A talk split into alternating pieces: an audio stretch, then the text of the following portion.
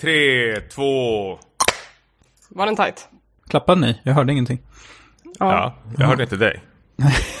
Han gör alltid... Ja, Jaha, jag tror det är Elisabeth som alltid gör det. Nej, jag klappar. jag måste ju hålla i den här för att jag har inget... Är det sjukt? Jag tror det alltid var Elisabeth. I alla Nej! år har jag... Jo!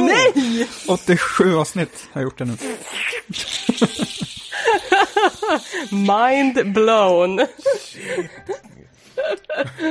When Wow. you wear of it you shit some bricks. Vilka andra sanningar ska vi avtäcka idag?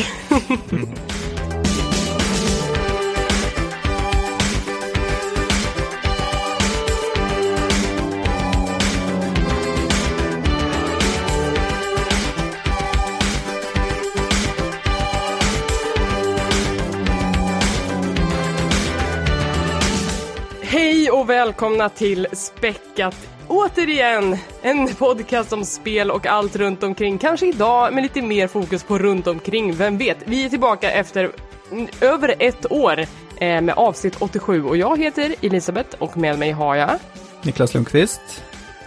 Tobias Nordström tänkte jag säga. Nej, Tommy Jansson. Har vi kört med efternamn? Nej, Det, det har vi kanske inte haft vanligtvis. Nej, det tror jag inte. Nej. Hörni, we're back. Back in business, baby. Ja, kul. vi liksom eh, har haft ett litet, ett litet eh, isuppehåll. Eh, men sen så började lusten smyga sig på. Den har liksom krupit sig fram under de senaste månaderna. Man bara, fan ska vi inte? Ska vi inte? Ja, men det, det är ju inte så att vi har liksom varit ovänner och liksom inte haft kontakt den senaste året. Vi har ju hängt och krökat. Till och med under pandemin har vi faktiskt druckit och brutit regler. Det nej det säga. har vi inte. Nej, ja. Det var i somras när det var varmt ute. Ja, Niklas skulle iväg och köpa någon jävla rakapparat i gallerian och vi var tvungna att hänga med. Och, ja, resten är historia som sagt. Nej, men så vi har alltid varit, det har alltid varit eh, snack mellan oss till att vi ska dra ihop det igen. Men vad fan, vi har alla tre ett privatliv och vi har väl gemensamt kommit överens om att eh, privatlivet går före. Eh, Elisabeth, du har ju haft massor med jobb. Eh, jag har varit pappaledig. Niklas, inget att skylla på egentligen. Niklas har skaffat en katt. Två katter. Två katter, Två katter till och med. Ja, nej, jag har väntat på att ni ska ringa i princip. Och nu, Ja, Ja, men, men det var också någonting vi sa, det, att vi ska göra späckat när lusten faller på och när det är så mycket annat som pockar så är det som att, okej, inte just nu liksom. Men nu, nu, liksom det är som att den här pandemin har tagit, sin, tagit ut sin eh, rätt på oss och vi bara, shit, vi har ingenting att göra. Det enda som finns kvar nu, det är att sitta och blaja i mikrofoner med, med två goda vänner. Nytt för den här, podca- mm, den här podcasten, det här avsnittet, är ju att vi för första gången på väldigt, väldigt länge har en eh, vi- videokamera nu så vi kan titta på varandra. Ja, wow. Kan man räcka upp handen och så här, det kommer ingen bry sig om. Nej, absolut inte. Kommer lika för jävligt fortfarande. Eh, men men hur, hur är läget idag? Hur mår ni? Det är pandemisnack. Nej, nej, jag frågade hur du mår, om, det, om ditt Ja, men, jag, jag tror man skulle göra en recap vad som har hänt senaste tiden, liksom sen pandemin. Ja, om du vill. Dra, dra din krönika. Eh, Niklas är jättesugen nu på att prata sig här ikväll. ja, nej men jag måste bara säga att jag, det känns bra, men det känns sjukt nervöst. För att eh, jag känner mig så ringrostig. Det här har vi Elisabeth är som sagt varm i kläderna, men jag har inte gjort det här på evigheter känns det som. Jag vet inte. Nu under Pratat med folk. Ja, men under pandemin har man ju liksom, jag förväntas ju inte prestera lika mycket som man gör liksom på, i vanliga fall. Det gäller ju liksom, med både banden och, bandet och podden har ju legat nere. Så det känns som att det är svårt att sätta igång igen, men eh, nu börjar nervositeten släppa. Ja, det kommer bli bra, tror jag. Mm. Får jag säga en sak? Alltså, jag, jag tänkte eh, komma in med avsnitt med en slags topp 10-lista sämsta saker som har hänt under pandemin. Men eh, ni får jättegärna sticka in här lite, men det, det värsta jag vet som den här pandemin har gett mig, det är alla bilder på Sverige. Alltså all, alla som har rest till norra delen utav Sverige och tagit kort på massor med berg. Vilket jävla fult och tråkigt land vi har. Men gud, jag har inte sett några sådana bilder typ. jag har bara sett massor med hikingbilder där folk har liksom, folk har ju tagit sin jäkla fula S6-kamera eller någonting och bara snappat av en bild. Alltså det, det är säkert jättefint när man väl är där, men jag har aldrig kräkts så mycket över svennens eh, semester i år faktiskt. Jag la upp, ty- jag tror jag la upp två bilder totalt i, i 2020 och båda två var på fjället. i somras. Eh, det var då vi slutade prata med varandra nästan. Ja. Ja, Okej, så det var egentligen bara en känga till Niklas det här. Ja, och alla andra.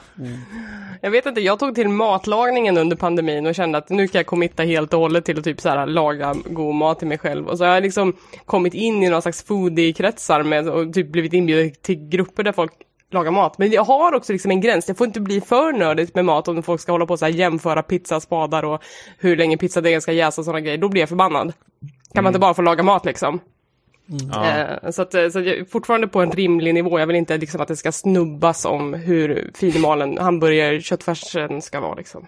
Nej, det har de unga mästerkockarna till för att göra. Nej, men precis, om man ska dra något eh, positivt från eh, pandemin så har jag börjat plugga koreanska, alltså koreanska, Oh. ah, hangul-språket då, då. Eh, bara satt med sån här Duolingo-app och har suttit på toaletten och tryckt eh, både det ena och andra. Elisabeth just nu Ja, ja. Bara- Det tog typ fem sekunder för mig att bara va? har han tryckt för någonting på toaletten. Eh, det och sen har jag, alltså det är helt sjukt, jag har tagit upp eh, läsandet. Det, har, jag, det känns som jag inte har läst en bok på så här 40 år nästan eller någonting. Och det har varit hur kul som helst. Spel är absolut inte lagt på hyllan, men vi kan komma in på det lite senare också, men det känns lite som så här, spel inte torrt år, men det har väl känts lite, lite tråkigt. Inte min typ av spel i år kanske som har släppts. Eh, Men, och så har jag fokuserat på böcker eh, då istället och läst. Jag tror jag kom upp i ändå 20 böcker. Jag tycker ändå det är, Det är en snyggt. applåd kanske. Från, Ja, ja, ja en liten. Oj. ja. Mm. Ja, nej, men vi har blivit vänner på Goodreads alla tre egentligen. Eh, Så Mm. jag tycker att alla tre har plöjt lite grann ändå. Eh, Sicken i app det är alltså. Ja, det är nya Facebook ändå. Jag, jag är ju oftare inne på Goodreads än vad jag är inne på Facebook om jag säger så. Jag går ju in på Facebook, eh, jag har ju flyttat och då finns det en grupp för det här området jag bor i och jagar typ så pensionärer i gruppen för de är så jävla otrevliga på Facebook. Men Där är ju någonting som har hänt under pandemin, det är ju pensionärerna har ju blivit helt tokiga känns det. Tränger sig i kön. Ja, jag har fått så mycket utskällningar av gamlingar liksom, för nu kan de liksom säga att jag inte ska komma nära dem. Det är vad vi har sagt till dem i... eh, ända Ja, fram till nu. precis. Men vad fan, old people stay home. Kom igen. Ja, gör ert bästa precis som vi alla andra. Ja. Ja, nej, Ja. Det, de har varit ute en masse. Eller är det bara så att man själv är ute och rör sig på stan under tiderna som pensionärerna brukar ha ensamrätt på annars? Nej, men grejen är att jag har stött på eh, jag, skulle också, det här skulle jag också kunna göra en lista topp tre pensionärer jag har stått, stött på. Men en av dem fick jag en utskällning i eh, ICA-kön för han trängde sig för mig och jag sa till honom, då sa han, är du någon jävla ordningsvakt eller? och då var det så här, vad fan, han, han var ju typ så här 90 år och knäckte mig. Då var jag så jävla irriterad, jag vågade inte säga någonting, jag var bara tyst och lät honom gå före liksom. Ja. Nej, bra, bra pensionär. Det är Mm. goals. Det är sån man ska bli själv. Ja, Zero fucks given. Eh, nej men så här, det här avsnittet eh, det ska vi ju ägna åt att prata lite grann om eh, året som har gått egentligen, 2020. Eh, in, det blir ingen sån här brawl som vi brukar göra för Goti, utan vi kommer prata mer eh, löst och ledigt om spelen som vi har som vi har använt för att ta oss igenom det här skitåret. Men vi kommer också doppa fötterna lite i film och tv-serier, för det vet jag framförallt att både Tommy och Niklas har varmt om hjärtat. Till skillnad från mig, det är jag som inte bottnar i det här, så ni får guida mig lite med varm hand genom era, era tips och rekommendationer. Fast det känns som du har bättre koll än vad jag har på serier till exempel. Absolut. Jag kan inte prata om dem på ett insatt sätt. ja, Vi får väl se. Vi får väl se. Eh, Men vi tänker att vi börjar med eh, spelen, för det är ju ändå där späckats grund ligger någonstans. Så rör vi oss vidare sen när vi känner för det. Känns det bra? Absolut. Alright, så. Vem vill börja och prata om ett spel från 2020? Ja, men jag, jag kan väl eh, hoppa in på direkten då. Eh, Jag skulle väl, och det är väl spel som vi alla tre har väl spelat. Ska vi prata om Final Fantasy 7? Ja, vi, måste, vi måste nästan avhandla det här, bara Ja. för att få det gjort liksom. För precis innan det här spelet släpptes så spelade jag faktiskt om originalspelet. Jag tror du också, Elisabeth, spelade en liten... Bit jag spelade faktiskt hela Midgard-delen, alltså just den som remaken är byggd på, så jag hade Ja. ändå det i bagaget och det tyckte jag var väldigt kul att ha. Och sen tröttnade du. Ja. Ja, Nej, det, det var så här, det blev så stort och jag hade så mycket annat som jag var tvungen att spela liksom, så att det bara hamnade på, på hyllan. Absolut, men jag spelar eh, om det i alla fall och jag tycker absolut det håller eh, fortfarande idag. Det är en av bästa JRPG som finns. Så det skulle bli väldigt, väldigt intressant eh, vad det här var för någonting. Och jag, stora hela så är det ju en remake utan dess like. Alltså det jag gillar med det här nya spelet är väl ändå att det tar ändå fria händer och liksom nytolkar eh, originalstory faktiskt på ett eh, helt okej okay sätt faktiskt. Eh, vi har ju ett nytt eh, stridssystem, vi har liksom nya inblickar på liksom Midgar och vad som händer. Alltså det är väl egentligen i stora hela liksom en fördjupning eh, av vad eh, sjuan kanske inte, eh, originalsjuan inte kunde leverera skulle jag säga. Mm. Eh, på både av gott... rent tekniska skäl så kunde den inte göra det då. Ja, och kanske att det inte var så jättebra översättare och allting sånt där, att det inte funkade. Um, och på både gott och ont har de väl lyckats med det. Eh, någonting som jag tycker är anmärkningsvärt är väl ändå så slutet på det här spelet. Och det måste vara liksom helt fruktansvärt, tror jag i alla fall, för folk som aldrig spelat sjuan eh, tidigare. Då det liksom så skiter ur sig referenser från originalspelen. Eller har jag fel, Elisabeth? Som... Uh, ja, alltså när jag, när jag hade kommit liksom nästan till slutet, då var jag ganska lyrisk över, här, över det här spelet och tyckte att det mm. var riktigt, riktigt nice. Alltså det, de hade broderat ut det så bra, det var goa karaktärer som kändes liksom skitbra på många sätt och vis. Och sen så ballade det liksom ut i slutet och det, då kändes det som att det här är inte ett spel som är gjort för mig.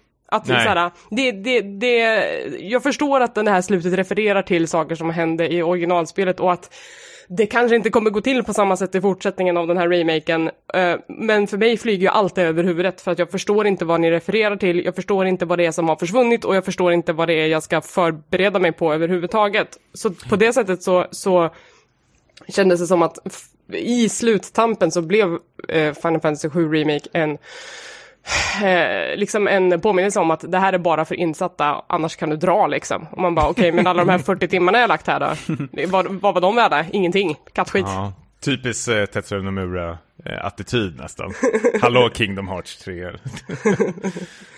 du då Niklas som är väl någon sån här Final Fantasy 7-nörd, den kända? Expert, rent ja. Um, nej men alltså jag var extremt negativ till själva idén eh, tidigt i alla fall. Och sen så när det närmade sig release så tänkte jag lite att ja, nej men kör på, det har gjorts bra remakes eh, förut. Eh, säg en, säg en. Resident Evil 2 Remake. Jag tänker så här att du, du har den här memento-tatueringen över bröstet så här. Ja. Gå framför spegeln. Det har gjorts bra remakes förut. Du måste påminna mig.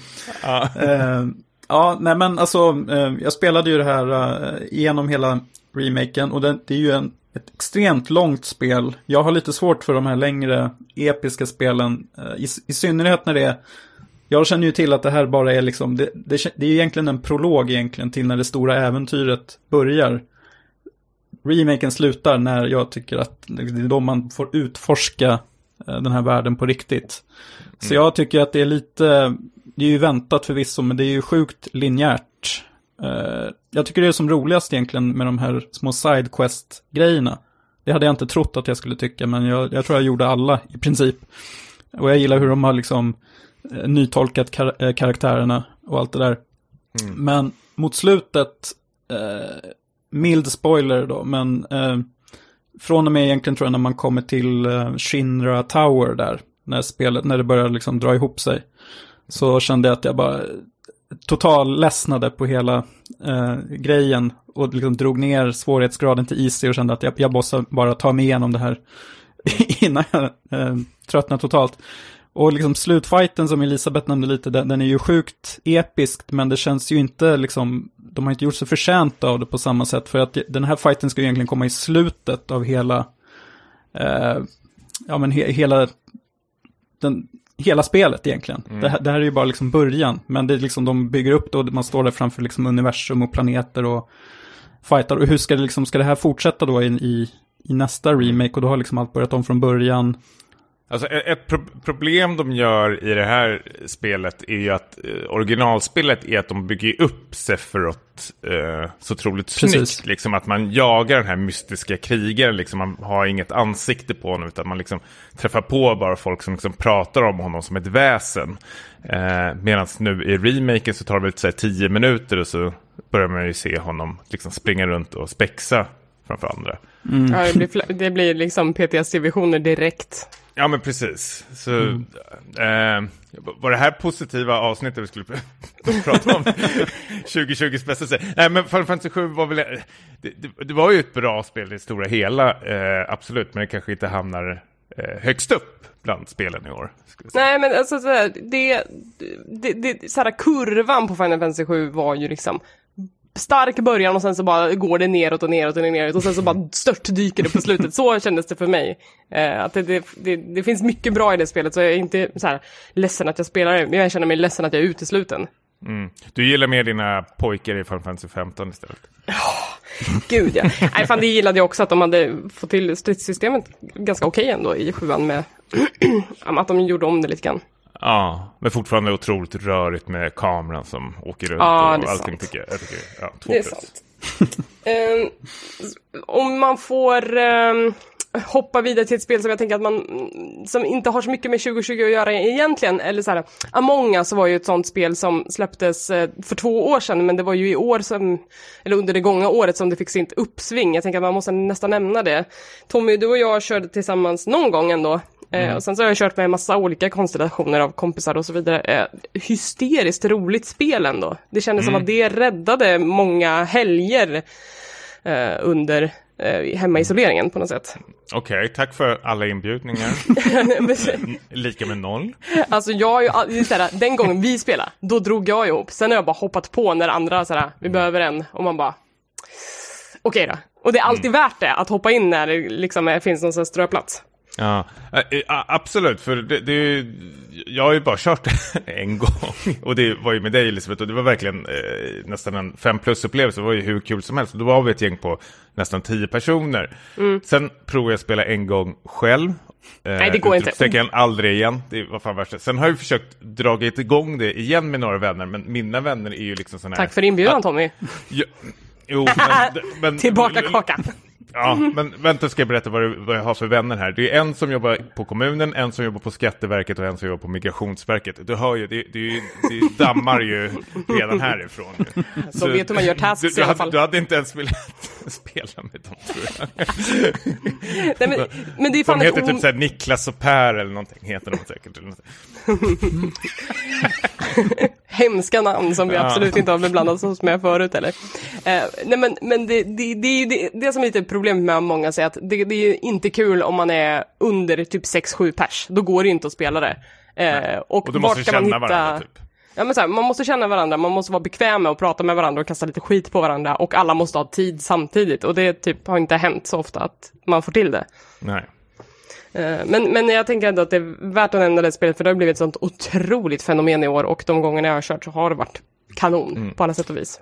Eh, du som är speljournalist nu Elisabeth, var, varför Nej, slog... jag var speljournalist. Ja, jag, jag tänkte säga, PT-spel rullar väl på som vanligt. Men eh, Among us, eh, varför slog det till så hårt? Vet du det? Stream, streamers skulle jag säga. Ja, men var det någon specifik streamer? Var det Ninja?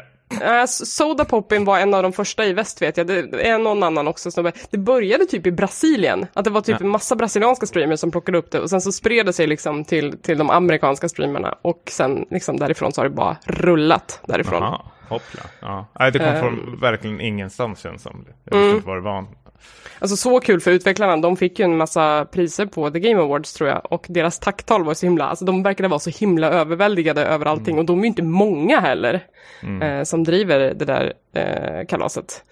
Eh, de hade ju planerat en uppföljare. Som skulle liksom laga mycket av det som hade varit dåligt med spelet under de här två åren. Och sen så liksom kommer den här succén. Så att de fick liksom ställa in den här uppföljaren och bara, vi lagar det här spelet igen. Eller istället för, för att sälja det igen. Okej, ja. Eh, Fair. Så att jag tror att det finns en, en ljus framtid för det, för de lägger till content hela tiden. Kul för dem.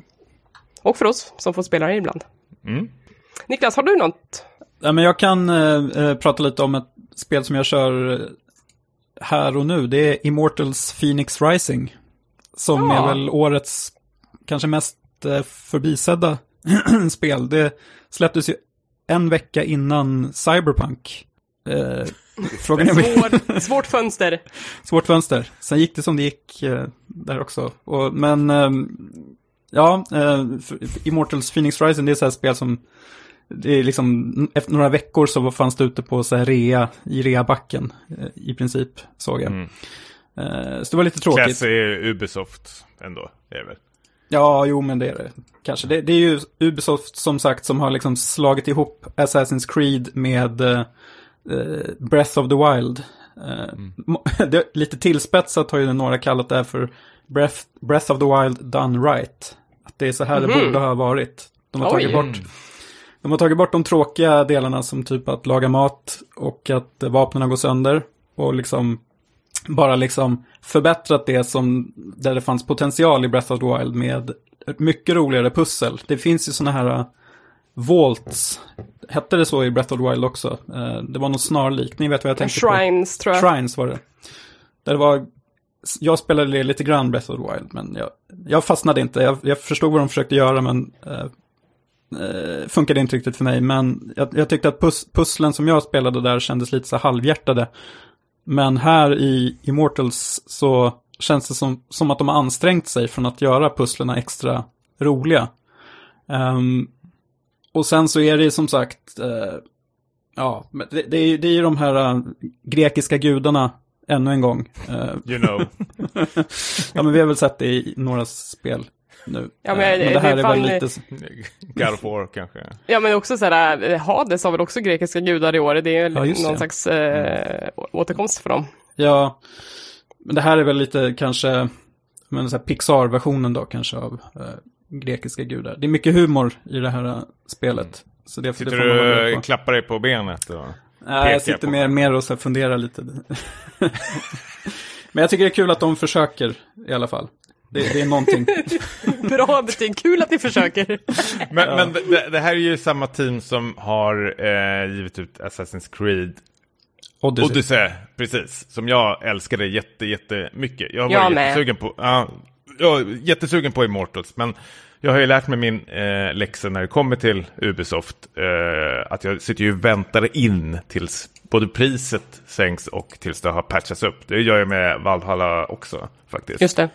Eh, men märker du någonting, Niklas, att det är lite buggigt eller något som saknas? Nu har det funnits ett tag, men...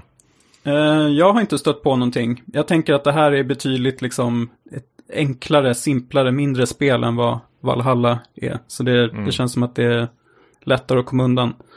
Eh, men jag har för mig att du sa att du skulle vänta på någon på Playstation 5-versionen. Ja, först måste jag väl ha ett Playstation 5, men jag lyssnade på PT Spel eh, och då behövde man inte ha det tydligen. Nej, jag har det inte heller. Jag fick ju bara låna en. Ja. Det kan vi prata om i ett annat avsnitt. Det är fan Ja. två plus alltså. Ja. Eh, ja, nej, men så jag, jag var sugen på Immortals, men det var som, det har varit en release-tung höst så att man fick prioritera andra grejer och som sagt, och många spel mår ju bra av av att man väntar på dem också. Hallå Cyberpunk. Ja, exakt. jag gissar att Cyberpunk inte är med på era listor idag, eller? Jag hatar ju CD Projekt Red sedan typ flera år tillbaka, så absolut. Jag är rätt så glad över det här. Att det... Du är skadeglad. ja, jag är så otroligt skadeglad faktiskt att det har gått så dåligt för dem. Om man, försäljningsmässigt har de inte det, men ja. Ja, mm, Det var lite för förutsägbart att det skulle gå så här nästan. Alltså? Ja, men det var ju ett luftslott. Alltså, det, det, de kan ju inte leverera på de förväntningarna som var på det spelet. Nej, jag tyckte... Det här var ju ett av dina eh, mest u- uppeppade spel, Niklas. Ja, men Du har jag ju ska, grinat om det här i flera år, vet jag. ja, jag, jag ska inte sticka under stolen med att jag har inte heller riktigt så här förstått The Witcher 3. Eh, även- Jag har gjort två försök, men jag tänkte att i en cyberpunk-kontext så skulle det här liksom vara som he helgjutet för mig. Men eh, ja, behöver kanske inte säga varför jag inte har köpt det. Ja, förklarliga skäl. Ja, Vi kommer väl till ett avsnitt med det. Eh, någon gång i framtiden gör vi det. Ja. Eh, ska vi prata om ett spel som både jag och Tom har spelat, 13 Sentinels? Ja, jag tänkte, tror du skulle säga Animal Crossing, men det kommer vi senare. Ja, det, det, kan vi, det kan vi också dra. Eh, men 13 Sentinels eh, var ju ett spel som du har peppat i späckat eh, i det förflutna vad jag minns. Alltså det är du som har peppat upp mig på det här. Jag tror det här är nästan så här, inte första avsnittet, men jag tror det är liksom så här, om man ska dra säsongsmässigt, alltså första julavsnittet vi hade och vad vi liksom såg fram emot nästa år. Då var det ju Vanillavers eh, kommande spel då, 13 Sentinels, som man visste väldigt, väldigt lite om. Och eh, som sagt, det är ju Vanillaware, de som gör Dragons Crown, Odin Sphere, eh, ja, jag behöver inte namedroppa ner mig.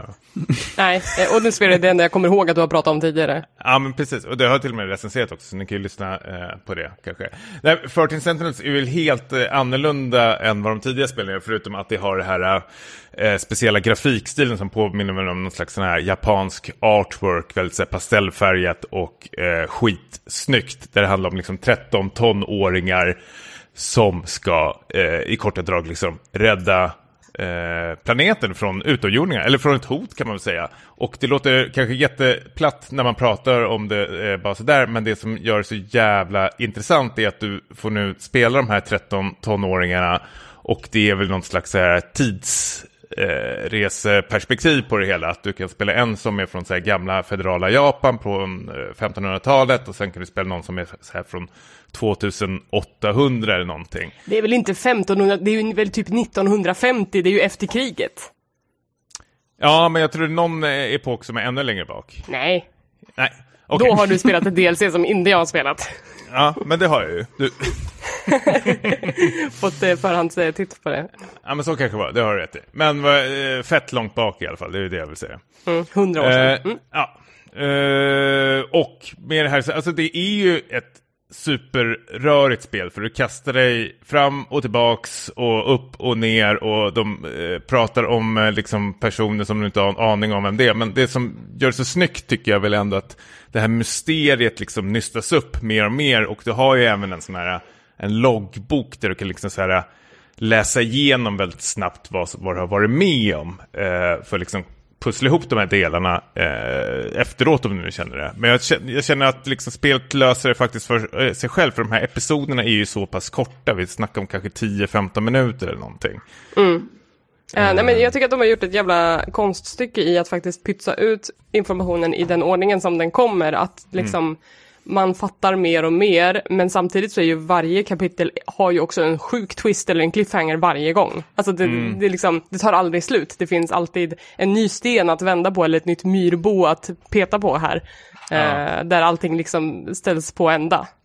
Det finns så mycket man vill prata om för det finns en väldigt, väldigt roliga, alltså det finns både väldigt så här, klyschiga twister men det finns väldigt så här, roliga. Alltså, det här är ju ett spel som refererar till, eh, eller drar många referenser till liksom vår populärkultur vi har idag. Väldigt mycket eh, War of the Worlds, eh, Tillbaka till framtiden, Terminator. Alien, Terminator, alltså all sci-fi klyschor ska liksom, liksom skoskavas in i det här och jag tycker de gör det väldigt, väldigt eh, bra faktiskt och väldigt, väldigt kul. Eh, och det är ett väldigt, väldigt långt spel, eller ja, 30 timmar tror jag det är om jag inte Ja, har helt ish. fel. Ja, men jag hade skitkul med det från början eh, till slut faktiskt. Eh, men det är absolut inte för alla. Utan det är ett Nej. Vision Novel-plattformsspel med lite sån här 5D chess, liksom, där du spelar de här mexen. Eh, som de här kidsen styr och hoppar in Ja. i. Mex mot utomjordingar eh, i stora Ja. vågor typ. Eh, så det är lite så här light strategi eh, i eh, turordningsbaserat typ. Eh, men, eh, men det är ju i storyn som det här spelet glänser på många sätt och vis. Ja, det är jag. ett av de snyggaste spelen jag spelat någonsin. Alltså, det är helt, alltså Så vissa scener är ju så jävla eh, löjliga. Och jag har ju läst lite intervjuer med han, eh, regissören. Och han är ju helt eh, utbränd efter det här spelet och har sagt typ så här, förvänta er ingenting i den här kalibern av våra kommande spel. Utan Åh, det här är stackarn. liksom, magnum Fy opus fan. eh, för hela studion. Alla är verkligen så helt slutkörda. Och jag fattar det eh, egentligen. Hur de har liksom lyckats knyta ihop den här säcken. Alltså de har ju tagit sig lite vatten över huvudet när de säger att vi ska ha 13 huvudkaraktärer och deras story ska liksom knytas ihop på ett och annat sätt. Liksom. Det måste vara en jävla mardröm med post-it-lappar på kontoret. Men får, de till, får de till ett bra slut som känns tillfredsställande? Jag, jag, alltså, Helt okej. Ja, helt okej. Alltså, ändå- men samtidigt slutet är inte liksom målet utan det är den här resan man har varit med om som man tar med sig i, i slutändan ändå. För det händer så jävla mycket bananasaker så slutet är ju inte, det är ju inte någon ah, det hänsynslösa, det misstänkta slut, liksom någon jävla kaisersåser-grej. Men liksom, det, det är ett helt okej slut, men ja, det är inte det spelet liksom förlorar eller vinner på. Nej, det finns ju liksom inget stort klimax här där allting får sin upplösning, utan det är mer Nej. liksom att man bara drar undan mer och mer av, av ridån som döljer sanningen Mm. hela tiden. Eh, och då, då, då liksom, det finns så lite kvar att avtäcka i slutet så att det blir så här, ja, ja men jag gissade att det var något sånt här. Eh, och, det, och det vet jag för att de har liksom lyckats berätta det subtilt på så många sätt på vägen hit liksom. Jag vet, det, och spelet har väldigt, väldigt många så här, gåshudsstunder eh, stunder faktiskt. Alltså verkligen som går till spelhistoria tycker jag. När de är i den här skitrika snubbens eh, lägenhet och sitter och spelar tv-spel och lyssnar på musik. Det finns mycket bra grejer där. Mo- motorcykelturen till änden av stan. Ja, också, mm, helt fint. jävla galet. Ja. Ja, det finns Och- mycket, mycket fint i det spelet i alla fall. Om vi säger, om, om vi skulle ha haft vår eh, normala, om vi säger, här spelet skulle komma högt då på listan. precis.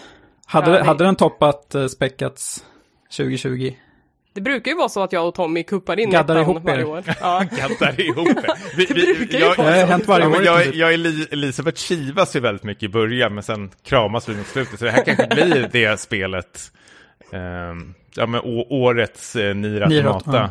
Kanske. Spelet som Niklas hatar. Fortfarande inte har spelat. Nej. Fast han har Spelet som. Gud glömde enligt Niklas. Men det, men det är liksom fortfarande så här, ja det kanske hade toppat bara för att det har inte kommit så mycket bättre i år, eller förra året. Vad är det som har varit bättre? Så känner jag i alla fall. Nej, jag håller med faktiskt. Eh, ja, men definitivt ett av årets bästa spel, helt klart. Niklas, har du något eh, du kan matcha det här med? Ehm, ja, jag hade väl... Jag hade väl sagt i så fall att årets bästa spel är Ori and the Will of the Wisps. Ah, just det. Uppföljaren till Ori. Precis. Ni har inte spelat något av de här spelen? Jo, Elisabeth har väl spelat Jag har första spelat kanske? första och sen så började jag spela andra men det, det greppade inte riktigt tag i mig och jag tror att det kanske var för att jag spelade första precis innan och Mm. att jag hade blivit så väldigt, väldigt arg på det spelet för det är ganska svårt. Det är ju mycket så här banka huvudet mot en vägg tills det funkar. Eh, För att det är så Mm. kluriga pussel och mycket, mycket så här finmotoriska pussel i det. Ehm, så, att, så att jag var liksom utmattad efter första spelet och sen bara ja och nu kommer tvåan, är du redo att köra igen? Och jag bara nej, jag var, jag var inte det. Så jag, jag plöjde några timmar i det. alls. Jag tycker ju att, ehm, alltså, första spelet är ju inte perfekt. Ehm, det är otroligt bra tycker jag, men det, det fanns grejer att förbättra och det har de gjort i Will of the Wisps. Inklusive de mer frustrerande, jag, jag vet inte om du kommer ihåg, men det finns sekvenser där man blir jagad av eh, bossar och måste typ eh, spela om stora delar så att det blir liksom tradigt i slutändan. Det, typ det, vattenträdet. Ja, exakt. Mm. Sånt har ju liksom förbättrats markant. Och stridssystemet som var ganska tråkigt, vill jag minnas i första spelet, Det är betydligt bättre nu. Det finns roligare uppgraderingar eh, att införskaffa. Eh, det som jag var orolig för nu här inför uppföljaren var att de pratade om att de skulle bygga ut eh, det här Metroidvania-upplägget med lite så här sidequests och de skulle liksom ha mer innehåll. Jag kände att det liksom, upplevelsen skulle bli mer urvattnad, men jag tycker att de har varit ändå väldigt så här sparsmakade med det här och varenda sidodel känns meningsfull tyckte jag. Jag tror jag gjorde i princip allt som gick att göra, vilket Mhm. är, inte händer jätteofta. Ehm, grafiskt sett är det ju mästerligt och musiken tycker jag är, ja det är årets soundtrack för min Pratar del. vi fortfarande om 13 Sentinels? Nej, det gör vi inte. För att gå vidare nu. Eh, nej, men, men vad heter det, apropå Ori då, alltså, såhär, i ettan så tyckte jag att det var lite det, det är en story som handlar väldigt mycket om känslor, det är så här fantasidjur i en skog och de eh, dör och ska rädda varandra och det ska, ja du vet. Eh, Det, det, det är lite Bambi-varning på det här liksom, här, här ska du gråta. Så kände jag många gånger i första. Ja, är, det, är det lika illa med det i tvåan? Och så här, för, för vissa spelare är ju det här inte illa, många säger att så här, Ori är det bästa jag spelat någonsin, jag grät hela tiden. Eh, men liksom, försöker tvåan slå så uppenbart på hjärtesträngarna som ettan gjorde? Ja, ja, det skulle jag säga att de gör ännu mer kanske. Jag sväljer det här med hull och hår. Jag tror jag till och med snyftar till vid något tillfälle. Musik, mus, jo, det, det, kom en tår kanske. ja, men det är bombast, bombastisk musik. Alltså jag kan ju uppskatta att det är så pass lite story ändå. Och att det är show, don't tell. Det, det är ju lite sån här djurprat liksom, så här, men det är inget... Det är inte, Ja, Djurprat. men såhär låtsasspråk. låtsasspråk. Niklas, får jag höra hur det låter? Ja, Som de pratar. mjau, mjau, mjau. Men, så det är, liksom, det är fokus på gameplay här. Mm. Och det, det har väl varit liksom, eh, 2020 har ju varit det som jag har dragits till. Framförallt än, än att sitta och läsa eh, ett helt spel. Tycker jag är ganska tråkigt. Jaha. Var det, förlåt, Burn. men var det här... var- Ja, precis. Rude. Mm. ja, jag respekterar det. Jag hade ingen Weebo som vi. Som, som vissa andra är. Precis. Eh, ja, apropå Weebs. Har vi något bra Weeb-spel på, på lager? Jag skulle vilja prata om ett spel som heter Paradise Killer. eh, som jag inte tror att någon av er har spelat. Nej, men det är väl ett av de spelen som jag känner att jag inte borde ha missat i år. Jag har varit superpeppad på det här. För, så det vill jag jättegärna höra. Eh, jo, men det här är ett, eh, ett mordmysterium som går väldigt mycket i samma fotspår som till exempel Danganronpa gör. Det känns, finns så uppenbart eh, hämtade grepp och, eh, och ja, men, referenser som man bara, ah shit, ni, ni har bra smak där borta på, på den här eh, studion, Kaizen Gameworks. Tack. Eh, vad heter det? Det Eh, cirklar då, eller så här, det här utspelar sig på en ö som är ö nummer 24. Det är cirklar runt Eh, ett gäng ha, eh, så här, odödliga halvgudar som styr och ställer över den här ön. Och de, de, deras mål är att så här, bygga den perfekta ön och komma så nära gudarna som möjligt. Men varje gång de gör det så, så misslyckas de och demoner tar sig in på ön eh, och eh, de måste flytta vidare och, eh, och skapa en ny ö som, de, som ska bli ännu bättre än den förra och den här kommer bli den perfekta ön liksom. Eh, och det, det här samhället är ganska dystopiskt på många sätt. Eh, och den, den stora ledningen bland de här eh, karaktärerna då, de har blivit mördade. Det är ett locked room mystery när de har samman, eh, sammanstrålat för att liksom avsluta arbetet med eh, nuvarande ö och flytta vidare till nästa så, så dör allihopa i, i, ett, i deras slutna sammanträdesrum liksom. Och eh, då står alla liksom handfallna och bara nu är eh, rådet har dött, vad ska vi göra nu liksom? Och då kallar de in en, en eh, en detektiv som har varit i exil i tre miljoner år. Eh, och de bara, nu får du komma tillbaka, du måste lösa det här mysteriet liksom. Och det är henne man spelar som. Eh, och det, det, det, som är så spännande i Paradise Killer är att det är en sån här helt sjukt världsbygge i det. Att de har de här ja men gudarna, de här halvgudarna, eh, den här ön som är helt såhär bananas i sin estetiska utformning och i liksom dess form och funktion.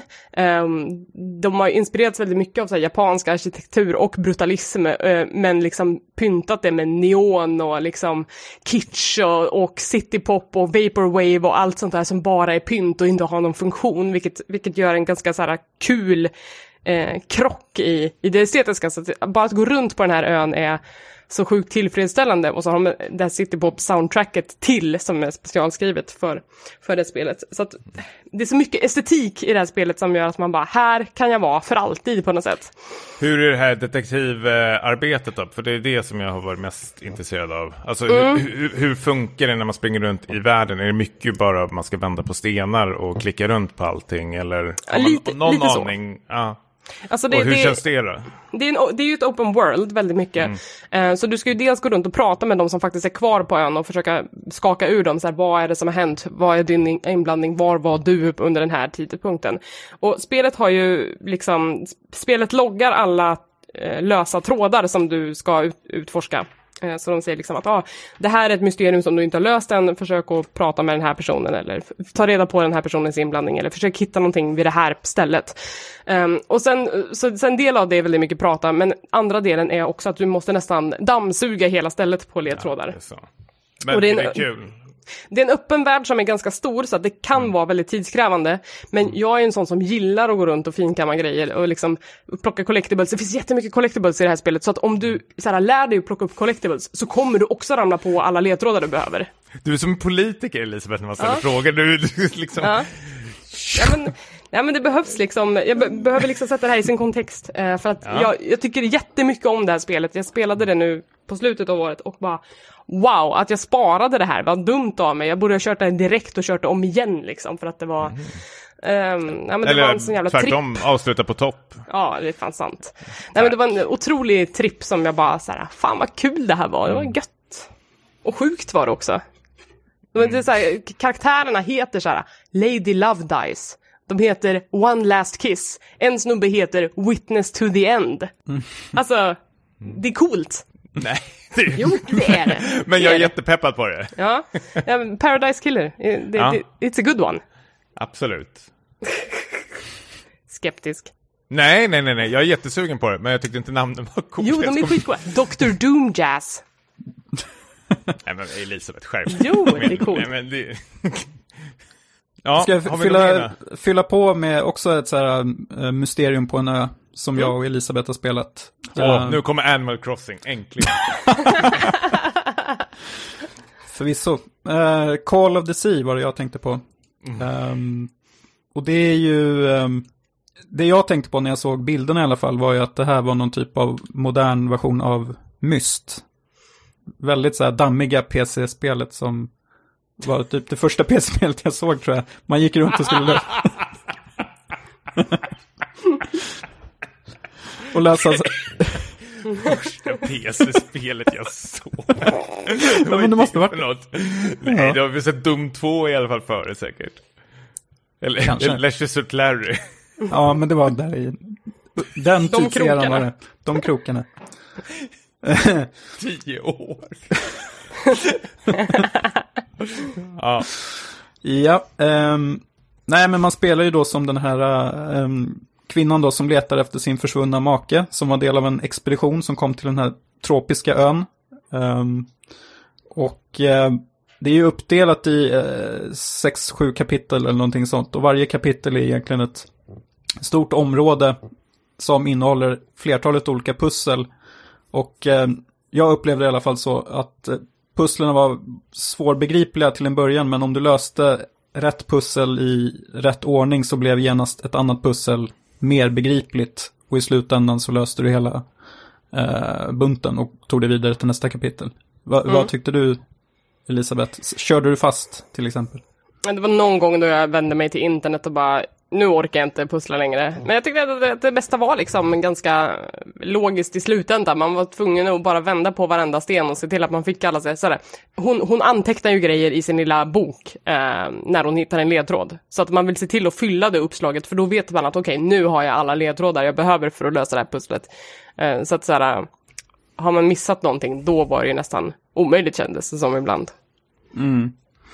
Ja, ja, men vi, jag och min sambo spelar det här tillsammans, så det var ett väldigt kul spel att sitta och hjälpas åt. Och, Mm, det kan jag tänka mig.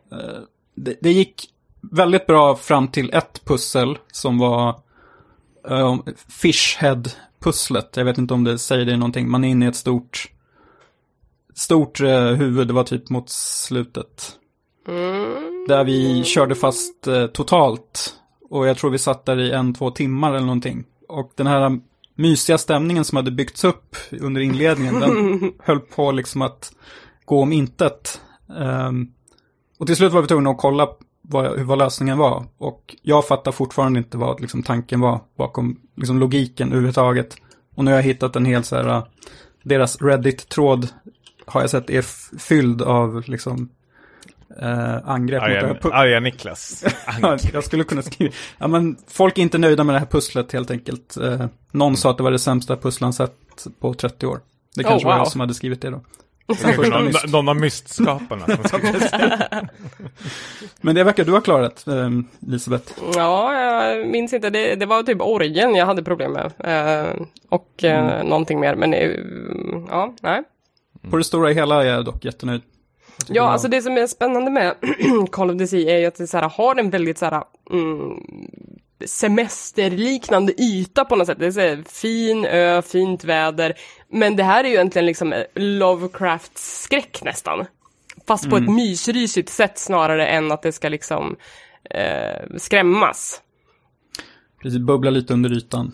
Mm, eh, men, men jag tyckte att utdelningen på spelet var liksom ganska bra, bra röstskådespeleri och sådär. Så att eh, det var en, var en liten dold pärla. Jag ska säga också att jag numera jobbar på förläggaren som har släppt det här spelet, så jag är ju egentligen jävig nu. Men, eh, så att jag, jag låter Niklas sköta lovkören här lite grann. Du instämmer lite försiktigt. Vi är ju inte statligt finansierade heller. Nej, precis. Vi får ju vara jäviga. Det- Vem fan Ja. ska jag stämma oss för det? Eh, nej, jag tyckte också jättemycket om det. Det var förvånansvärt eh, bra för att vara... Alltså, så här, jag gillar inte så mycket så här... Eh, jag vet inte, peka och klicka-aktiga spel. Det, nu var det inte så mycket sånt, men... men eh, jag, kan, jag kan tappa tålamodet med en sån här spel, men det gjorde jag inte här. Bra betyg. Eh, Ska vi prata om The Last of Us 2? Jag har inte Ja, men- spelat det. Har ni takes? Inga hot takes, det får ni, då får ni vända er till Angry Joe eller någon annan jävla tönt. Eh, men eh, jag spelade Last of Us 2 och eh, jag är väl ett eh, lite ökänt... Eh, jag skulle vilja säga att Norry Dog är väl lite 3 plus-studio för mig. Jag är inte säga supernöjd över deras eh, Uncharted-spel, inte allihopa. Men däremot gillar jag väldigt mycket The Last of Us första spelet när det kom ut. Men jag tycker The Last of Us 2 är väldigt, väldigt, väldigt mycket, mycket bättre faktiskt. Det här är deras bästa spel någonsin faktiskt. Och det känns skönt att de har släppt Uncharted. Det här, ja, jag vet inte, matiné-tönteriet. Uh, Last of Us 2 är superrått, uh, men det finns så otroligt mycket eh, hjärta och hjärna bakom det här. Visst, man skulle säkert kunna kritisera att det är väl nästan så här gotta sig i övervåldet, men jag tycker det visar verkligen människans vidrigaste och mörkaste sida på ett väldigt eh, obehagligt och intressant sätt faktiskt. Eh, jag hade hur kul eh, som helst med det här spelet. Det finns väl några partier som... hur kul som Hilarious. helst. ja, precis. Ehm, eller vad säger du Niklas? Ja, ehm, jag hörde någon jämföra de här spelen med att om Last of Us 1 var en film så är Last of Us 2 en tv-serie. Att det, det är mer ambitiöst, mer karaktärer, eh, längre. Och eh, längre är inte alltid bättre för, för min egen del. Alltså världen de har byggt upp och karaktärerna, där är ju Naughty Dog i särklass. Eh, när det gäller att det är övertygande eh, dystopi och hela den biten. Ehm, men jag, jag tycker att det berättandet stoppas upp lite väl ofta i form av flashbacks och ett eh, slut som, det känns som att spelet har flera slut där det kunde ha liksom sätta punkt. Men de ska alltid fortsätta att köra lite till. Till slut så har jag tyvärr tröttnat lite då. Men jag tycker första spelet eh, hade jag liksom inga eh, det är inte ett av mina, ina, ingen, ingen av favoriterna hos mig, men jag tycker nog tvåan är, är bättre och mer intressant för att de vågar mer. Och då måste jag veta att, att de skulle få mycket skit för vissa val de har gjort, men på det sättet tycker jag att det här är intressantare än första. Mm. Jag tycker att, för, jag fattar ju att det finns väldigt mycket så Gamergate-människor som blir provocerade när de spelar det här spelet och tycker att de sparkar upp eh, kanske öppna dörrar eller liknande. Men det tycker jag absolut inte jag. Jag tycker de sköter eh, väldigt mycket sådana, alltså, som många skulle säkert kunna säga, PK-saker på ett väldigt, väldigt snyggt sätt utan att liksom så här kladda det i ansiktet på oss eh, spelare för att göra någon så här polit- politisk grej utav det. Eh, jag tycker att det, de försöker nyansera eh, de här karaktär, huvudkaraktärerna särskilt också som man liksom eh, som man följde med i första spelet och konsekvenser utav eh, deras våld de har utfört och vad det gör för påverkan på människor eh, runt omkring. Så jag tycker de har tacklat det. Det är ett väldigt svårt ämne att tackla. Jag tycker de har gjort det väldigt, väldigt eh, bra faktiskt. Eh, Ja, definitivt. Eh, men inte för alla, tror jag. Eller ja, det är. Nej, men jag, jag tror det, förlåt, men fan, jag tror det är jättemånga som är jättesura för att det, du spelar som flata i en av eh, sektionerna och att det finns väl någon sån här trans, någon sån här, en transperson med också. Och, och det är liksom, då, då blir ju många skit tokiga och säger att, alltså det jag har läst är så här att, ja men då finns en politisk agenda. Och vissa kan tyvärr inte säga rakt ut, typ, ja men den här jävla idioten Angry Joe till exempel, jag är så jävla trött på honom. Det måste jag väl kunna få säga i den här podcasten. Ja, Ja, men, nej, men det, är, det, är väl, det är väl typ den sämsta människan på hela planeten nästan. Men han vågar ju inte säga det rakt ut, men han måste liksom så här mata sina eh, fans för han vet liksom vad han vill eh, höra. Liksom. Och det, det, det är för eh, lätta, alltså man behöver inte tycka lika, men jag tycker det är för lätta takes på ett spel. Särskilt när man liksom tar livet kanske av en eh, viss karaktär och folk blir ledsna över det. Jag känner bara, gud vad skönt. Och går vidare. Nej, men för den här karaktären hade inte så mycket mer att erbjuda. Jag var rätt så klar med den karaktären. Och jag tyckte att de gjorde helt eh, rätt. Många argumenterar att man kanske skulle spara det mot slutet. Men det tycker jag absolut inte. Jag, jag tycker det var helt rätt val faktiskt. För eh, ingen dålig karaktär, men det är en karaktär vi liksom, vi har redan följt hans legacy. Han är rätt så klar här. Så, du, ja, jag tyckte det var rätt val. Mm. Jo, jag håller med. Men är det liksom en, eh, ett mästerverk, som många säger att det är? Eh, mästerverk, jag vet inte. Ja, Det, det är ett ja. jättebra spel. Mm. Kort och gott faktiskt. Ja, det kan, och det kan man få nöja sig med. Ja.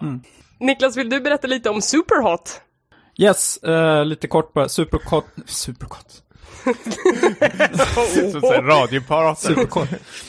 Superhot Mind Control Delete. Um, tvåan då, eh, som kanske inte så många hade förväntat sig. Eh, Superhot, bara första spelet är ju First Person Shooten som var ganska banbrytande för att eh, upplägget är att när, när du själv rör dig så rör sig fienden också. Så att det är mycket strategi och planerande. Eh, och det var ett väldigt linjärt spel. I det här spelet har de verkligen vänt upp och ner på allas förväntningar och eh, blandat in mer roguelike eh, element. Vilket inte är helt eh, oproblematiskt kanske. Men det är framförallt ett spel som, som vill att alla gamers rannsakar sig själva lite grann. Alltså i samma stuk som typ The Stanley Parable eller Pony Island och lite sånt. Och det är, för de fick en hel del kritik, bland annat, eh, en hel del, lite i alla fall kanske, att, de, att första spelet var alldeles för kort. Och nu har de liksom tagit åt sig av det då och det här spelet är mycket, mycket längre än det första. Och eh, istället för att man eh, trycker sig fram då att continue eller quit så är det så här more eller no more. Och det är liksom, tar upp på något sätt någon typ av beroende eh, inblandat i det här. Och ehm, eh, jag, jag tycker att det här, det är årets svåraste spel. Jag, jag, jag, kände, jag kände att jag var nära att ge upp flera gånger, men jag bara var tvungen att se slutet. Som är extremt kontroversiellt och fick eh, patchas om. De gjorde typ en Mass Effect 3 där. Att, Oj, det, här har inte jag hört ens. jag, vill, jag vill ju prata om det, men jag tycker ni ska mm, spela, spela det och se det med egna ögon. Nu har de och för sig fixat till det, så nu är det inte lika... Man kan se på YouTube kanske. Ja, det kan det Men var, var det ett helt, helt nytt slut eller var det bara lite Nej. att De, nej, De finjusterade det lite. okej. Så det kanske inte var någon större, större förändring, men hela... Det, det är som ett eh, långfinger till spelaren, kan man säga. Oj, Efter att ha tagit sig igenom allt det här jobbiga så får man det här. Men eh, Vad tyckte du om det då? jag, eh, jag älskar det. Jag tycker att det... Du gillar att jag, långfingret. Ja, ja, precis. Jag hatar ju... Jag är som Elisabeth vet, jag gillar inte Rogue, Roguelite. Nej. Roguelike. Hate it. Men... eh, Nej, jag hakar på på den. Ja, men här kunde jag stå ut för att jag tycker de gjorde sin egen grej av det. Och det fanns med lite i liksom kritiken mot kanske spelmediet och att eh, folk som alltid vill ha mer kanske inte, gräset är inte grönare på andra sidan där. De Ibland är vet, less de is vet more. inte vad de ber om. Nej, exakt. Mm. Men alla Jag gamers får vad de förtjänar i det här spelet. Jag eh, plöjde faktiskt både Superhot och Superhot VR i våras tror jag. Eh, Jag tyckte de var jättebra båda två och jag hade också en tanke om att jag skulle spela Mind Control Delete men det blev... eh, Jag räckte inte till med tid. Så jag får väl Men- eh, lägga det på backburner. Förlåt, men man behöver inte spela det här i VR. Jag bara spelat Superhot i VR och trodde att det var ett VR... Alltså jag, Jo- fattar själv, jag fattar själv att det inte bara finns i VR, men att det Nej men det är två olika spel. Det är två olika spel. Alltså Superhot VR är ett eget spel. Det, det är inte samma som Superhot. Okej. Eh, och Mind Control Ser Delete är ju liksom du är experten ju. Ja, jag trodde det var samma också, men det är fristående tydligen. Nej. Eh, det jag däremot vet är att Mind Control Delete finns inte i VR. Och jag vet inte om det kommer Okej. komma. Och hur funkar det då? Jag spelade ju första utan VR och det var inga problem. Eh, Men jag har ju testat i VR också och där är det ju en Skryt. helt annan upplevelse. Skryt, skryt. Nej men alltså jag tyckte VR-versionen var ju kanon på många sätt för att du Mm. lever ju dig in i superhot-mekaniken på ett helt annat sätt. Att, såhär, Ja men precis, du kastar runt saker och Ja men också såhär, när du står still så händer ingenting, när du rör dig så rör sig allting i samma takt liksom. Att, det- var ju en sån här mindfuck. Eh, För att det var din kropp liksom som spelet svarade på på något sätt. Men du har inte spelat VR Niklas? Bara testat som hastigast. Nej, då gills ju inte det här. Alltså, då, nej, men då har inte du varit med om det riktiga. Det är ju som att gå på bio och inte se på IMAX. Tyvärr, eh, vi kan inte godkänna det här va, Elisabeth? Alltså det är två Klipper olika bort spel fortfarande. Jävla Elisabeth, vad fan, haka på den här bara. Ja absolut, vi ska trasha Niklas här. Du, du har inte gjort någonting Niklas. Du har in, ingen, inget att säga till om här. Skojar bara, du har i alla fall spelat Mind Control Delete vilket är mer än vad jag har. Dock inte i VR. Det Inte finns det. inte i VR. Det är svårt. Tommy! Troll-Tommy. Själv? Eh, vi ska väl avrunda spelsegmentet med att bara nämna också Animal Crossing New Horizons. Ett spel som tog hela världen med storm. Jag har lagt typ 250 timmar på det. Eh, jag levde det ett tag. Sen så orkade jag inte leva det mer tror jag. Nej. Du har väl typ eh, 300 timmar har jag sett när jag kollat på. Ja, det kanske är så illa nu, numera. hur, många, hur många timmar har vi då Niklas? Du, du är ju, det har jag lärt mig någonting om dig, att du är en sån som går runt och snokar runt vad folk spelar och hur länge. Men det gör ju jag med. Ja, men Niklas är ju hemsk, han kan ju liksom trycka upp det i ansiktet på oss som ett hot nästan. Jag har ju sett att du bara spelar 16 timmar av det, så det gills inte att du har med så högt på listan. Ja. Men nu har du sett hur mycket jag har spelat av det här, antar jag. Nej, det har jag inte. Så mycket bryr jag mig inte. Hur mycket har du spelat? Fem timmar kanske. Oj, du var inte ett fan. Nej, jag, jag trodde väl att det skulle vara lite mer att göra som typ i... SimCity. Ja, men Stardew Valley var det jag trodde. Det finns, ju inget, det finns ju inte management på det sättet som det finns Nej. i, i sådana bondgårdsspel. Eh, men, men Tommy, du, eh, Animal Crossing har väl gjort ett avtryck i ditt hem, eller hur? Absolut, jag har inte spelat det. Jo, hon, min fru satte det i eh, handen på mig en gång och det var när man, när det är något segment i spelet, när man är tvungen att titta på stjärnor så ska man trycka på A-knappen. Då var hon tvungen att gå och bajsa eller någonting så fick jag sitta och trycka där åt henne. Vet du vad jag menar? Ja, ja, ja, jag är helt med. ja, precis. Du, ja. Eh, nej men eh, det, det jag älskar med Animal Crossing som jag nästan var med och eh, hjälpte till eh, lite här hemma, det var ju det här med, för, för första var det väl det här eh, Bells eh, ekosystem, ekosystemet, ekonomisystemet var väl Mm. ändå, att det var något så här aktiebaserat, eh, baserat, att det liksom, man skulle sälja och köpa under rätt tid, vilket jag tyckte var skitkul. Och då följa. tjänar man ju skitmycket pengar.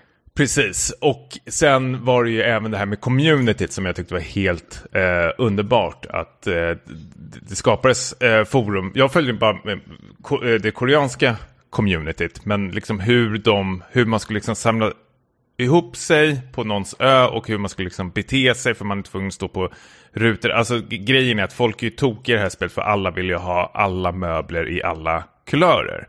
Och du kan endast få det om du byter det med varandra, om jag förstår det rätt. Liksom. Mm. Eller ja, så det, det tar mycket längre tid att få det på egen hand. eh, För att du Precis. kan aldrig bli garanterad du, något. Om du har en röd soffa och jag har en vit soffa och så slänger du den på min ö och jag plockar upp den så att jag ger tillbaka den till dig så får jag en röd soffa. För att, ja, du kan, du kan köpa en röd soffa då liksom. Ja, precis.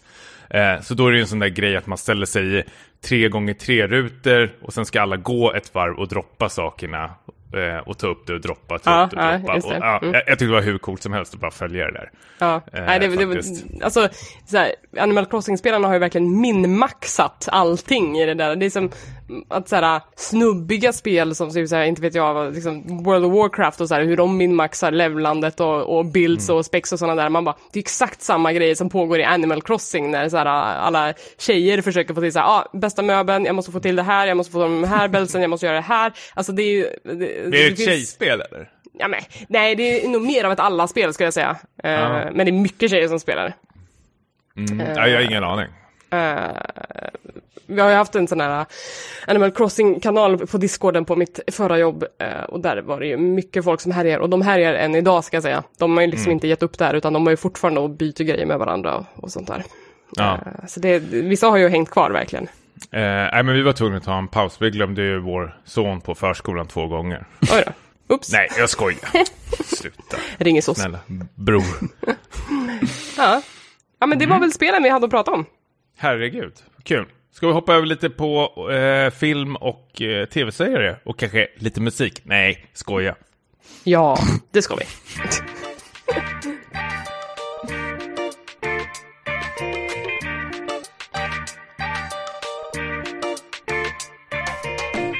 Film och tv-serier alltså. Tommy, kan inte du ta lite lead på det här? Kan inte du berätta om något bra du har sett under året? Om jag kan, Elisabeth, självklart. Eh, ska vi börja på filmdelen då? Är det okej? Ja, jag har inte Ja. sett några filmer. Har det kommit några filmer i år först och främst? Det är ju det jag undrar. Jag såg Sonic i januari.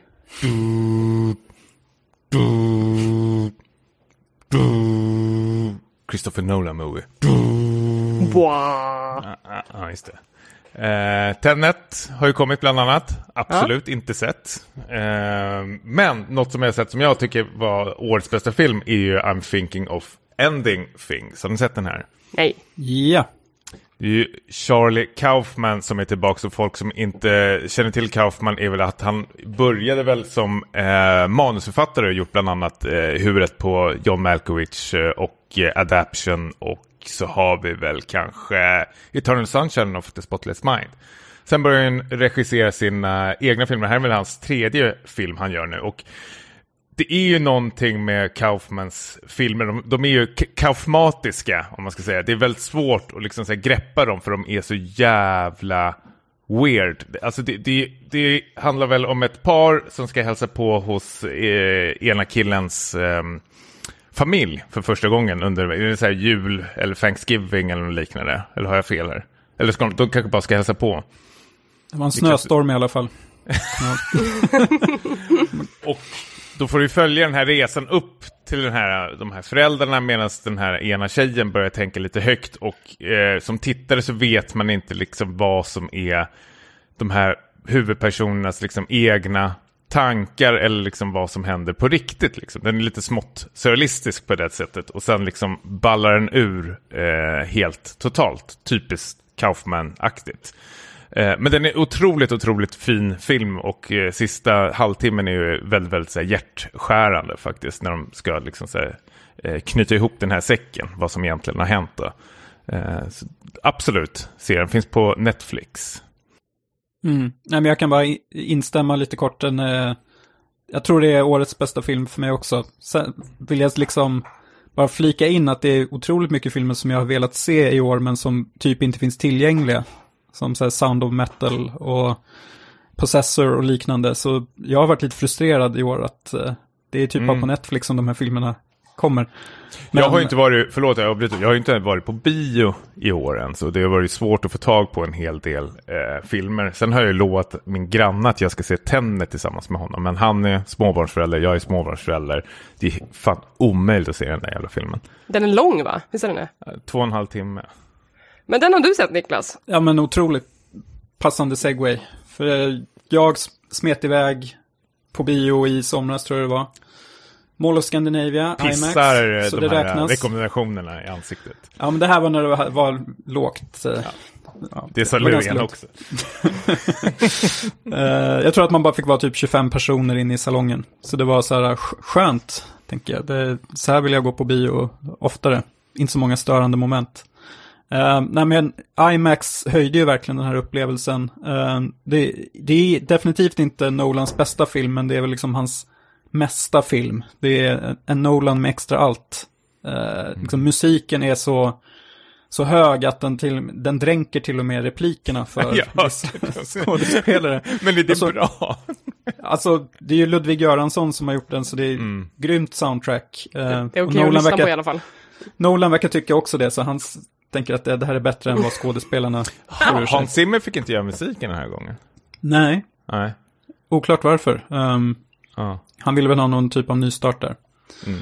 Men, ehm, ja, även om den inte är perfekt så är det liksom, eh, den sticker ju ut i år att det- den gick ju mot strömmen där. När alla andra sköt upp sina filmer så ville ju Nolan ändå ha ut den här, eller ja, filmbolaget och allting. Så de, de tog en chansning, sen tror jag väl inte att den lönade sig liksom box office-mässigt. Att det var väl ingen så här superhit. Jag tror den, den gick ju runt i alla fall. Eh, Mm. Den tjänade ju tillbaka sina pengar. Men den, den, den kunde ju sprängt med. Säkert. Ja, definitivt. Ehm, och det är en film som sjukt svår att hänga med i stundtals. Jag vet inte om det beror på mig eller på liksom att den är lite dåligt förklarad. Ehm, Men jag vet att det inte bara jag som har haft lite eh, de besvären.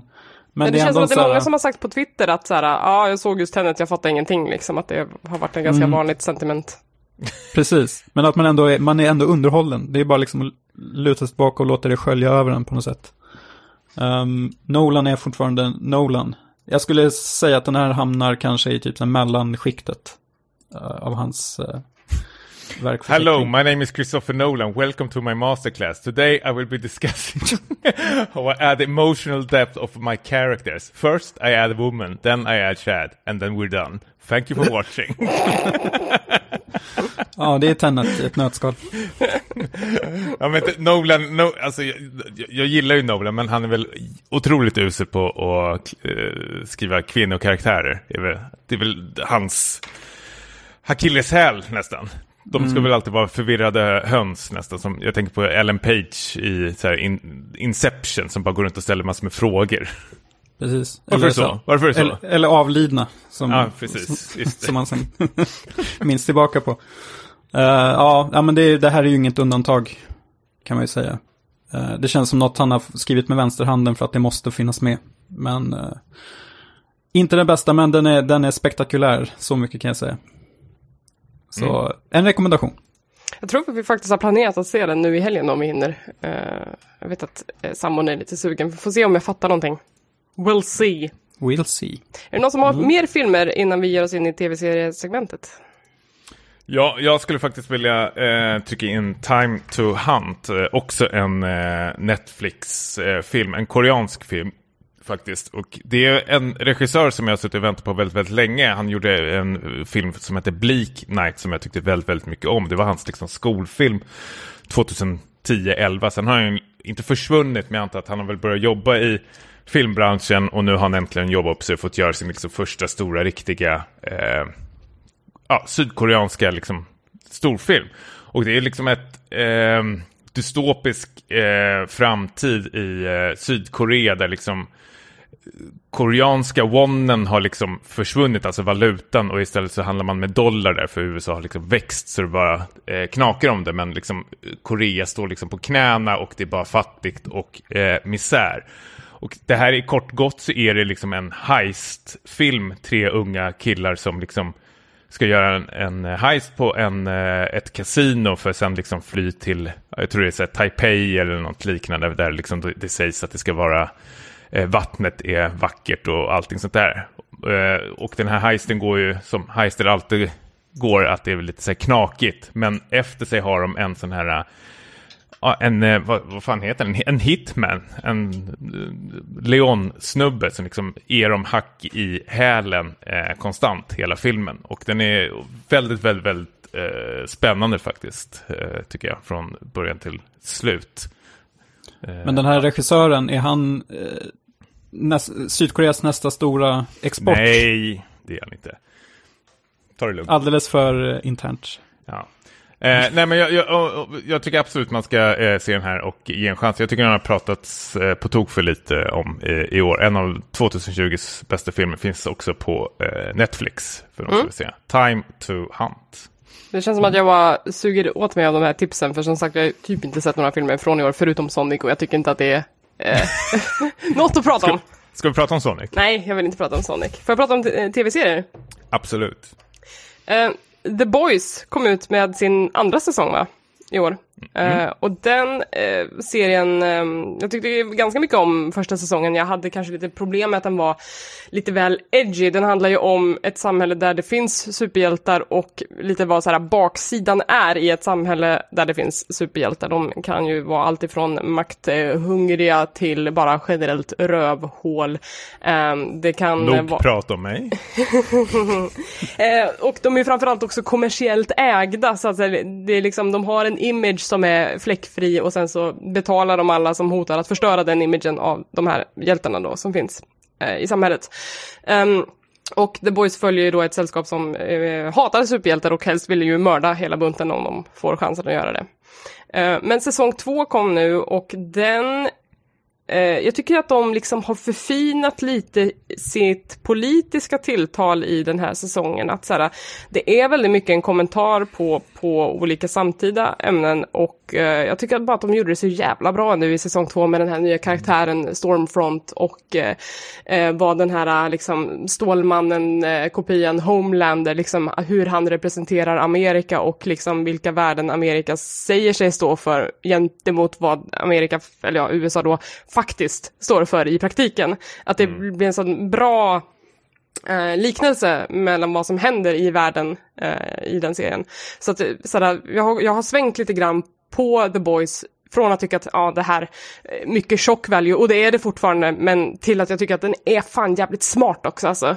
Eh, mm. så, eh, har ni sett den? Jag har sett båda säsongerna. Jag tycker nog också att andra säsongen är snäppet vassare.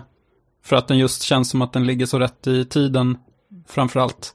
Mm. Uh, men jag gillar verkligen den här liksom superhjältesatiren och att liksom insprängt i handlingen så finns de här korta, typ så här reklam, bisarra reklaminslagen.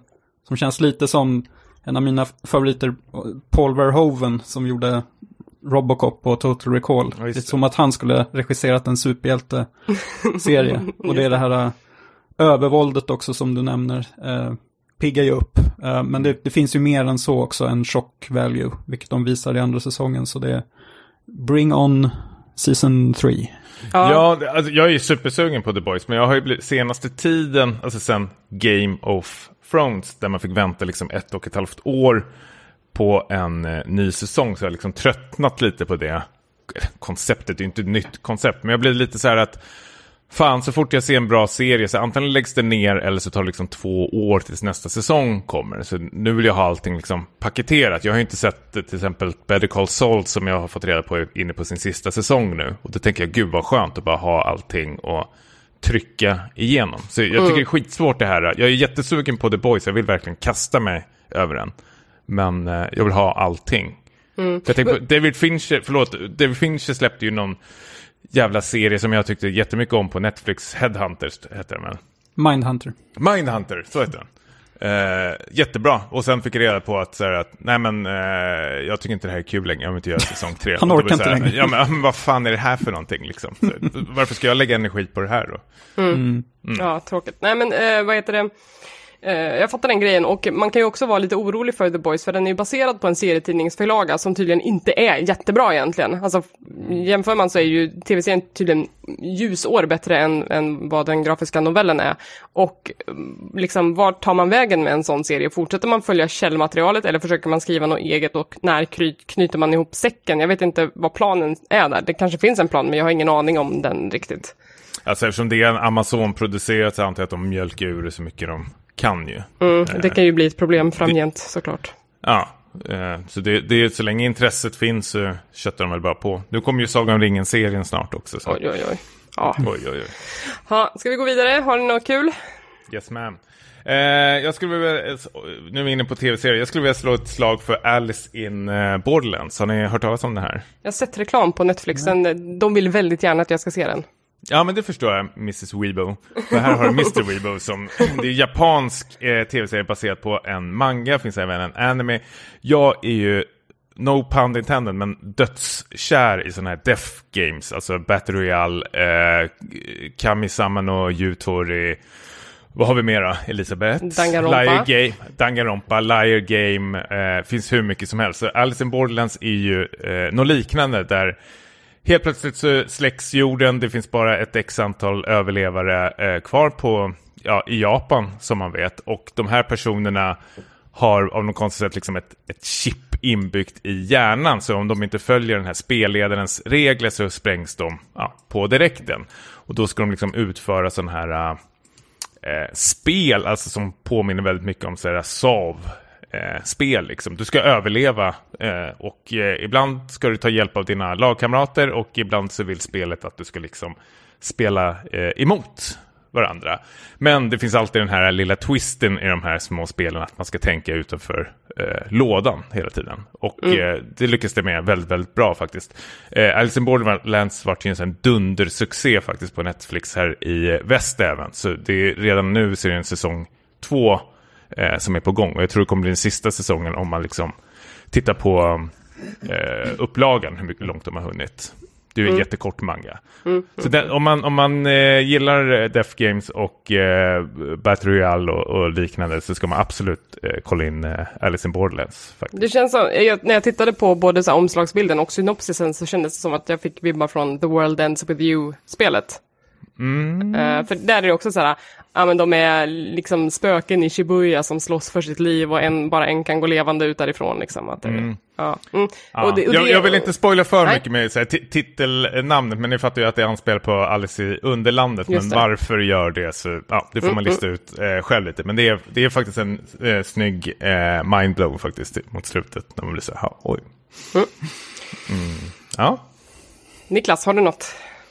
Mm, eh, då vill jag nämna How to with John Wilson, som är en sex delar lång HBO dokumentärserie där eh, John Wilson då, han eh, följer, han har filmat liksom hundratals timmar material i New York där han liksom mest bara observerar människor och lite så här mänskligt beteende.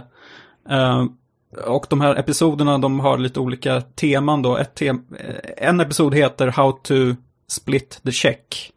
Det är en sån gammal Jerry Seinfeld eh, stå upp-rutin nästan så här. Hur, det här jobbiga när man har beställt mat, ett helt gäng på en restaurang och sen när, kommer, när notan kommer in så börjar vi bete oss konstigt. Att någon kanske går undan eller de ja, fumlar med plånboken eller någonting. Det tar avstamp i det och sen så fortsätter han följa olika personer och så hamnar han på liksom konstiga eh, avvägar och hamnar till exempel i den episoden på en så här, någon sån här jubileumsträff för fotbollsdomare. Eh, som inte alls liksom går som han har tänkt sig. Och han lyckas alltid knyta ihop det otroligt snyggt eh, med något eh, liksom temat. Eh, lite så här hur vi beter oss mot varandra och sånt där. Så det, den är sjukt rolig. Eh, den är producerad av eh, den här, eh, som jag vet Tommy gillar, eh, Nathan, Nathan for You-killen. Mm. Som även producerade Borat 2, om man eh, gillade den. Den filmen. kom ju fan också i år ja. Mm. Ja. de har ju två stycken i Nathan för jag kommer inte ihåg vad den andra heter. Men. Nathan Fielder och Michael Coman. läser jag. Precis. Ja. utan, innan till här. Ehm, men eh, John Wilson k- kändes för mig som det var liksom årets piggaste tv-serie. Jag var lite tveksam i början, men han är, han känns som en, så här, eh, en person man blir glad av att eh, följa. Och han har en helt unik berättarstil som jag inte har sett förut. Så jag tycker man ska se en, två avsnitt. De är korta, som sagt, det är bara sex stycken. Eh, jag tror att ni skulle gilla den jättemycket. Var går den? Det hittar vi på HBO va? HBO? HBO. Okej. Ja, bra tips. Elisabeth, har du någonting? Ja, nej, men jag, jag, eh, har också tyckt jättemycket om, det är mycket säsong två i år som jag, som jag känner är så här, starka fortsättningar, det gillar man ju. Eh, What We Do In The Shadows fick sin andra säsong precis efter jul tror jag. Eh, och det är ju en vidareutveckling på den här mockumentary-filmen som jag tror, visst är det Taika Waititi som gjorde den? Eh, de har ju utvecklat det till ett tv-seriekoncept nu som följer eh, såhär, originalet följer ett gäng vampyrer som bor, eh, som är rumskamrater i ett hus i, vad är det, är det Nya Zeeland eller? Jag kommer inte ihåg för det var jättelänge sedan jag såg den. Men nu har de flyttat där till ett nytt gäng vampyrer som bor på Staten Island. Eh, de är tre stycken, de bor i ett hus, eh, en av dem har en liksom familjer som eh, gör, ska lyda hans minsta vink. Och, eh, och det är väldigt mycket så här eh, mockumentary sitcom, shenanigans ensue. Jag vet inte, jag bara tycker att den är väldigt, väldigt hållsam. Det är humor som liksom inte sparkar neråt på något sätt, utan det är bara den här goa kulturkrocken i hur så här, gotiska vampyrer ska överleva i samtiden. Uh, och det är väldigt, väldigt charmigt, alltså otroligt charmigt. Jag, så här, jag vet inte, jag är en sån som är ganska selektiv med vilken humor jag tittar på. Så det är liksom så här Brooklyn 99 eh, och det kan vara liksom community och så är det det här. Och det här är nästan liksom kronan på verket på något sätt. Eh, Mm. jag, tycker, jag tycker att den är så himla trevlig. Mycket roliga skämt. Det är också kul för att så här, slutet av förra säsongen då var det också en eh, cameo-fest. Att de så här, plockade in typ alla kända skådisar som hade spelat vampyrer i historien. Eh, att det är liksom från, eh, vad är det, vilka är det som är med? Det är ju eh, Tilda Swinton och det eh, var Wesley Snipes med också? Jag kommer inte ihåg. Blade. Ja, eller, eller, om, eller om de bara var omnämnda. De sa att Tom och Brad kunde inte komma. Det är ju Interview with the Vampire-gänget då. Eh, och, det, och True Blood är med också.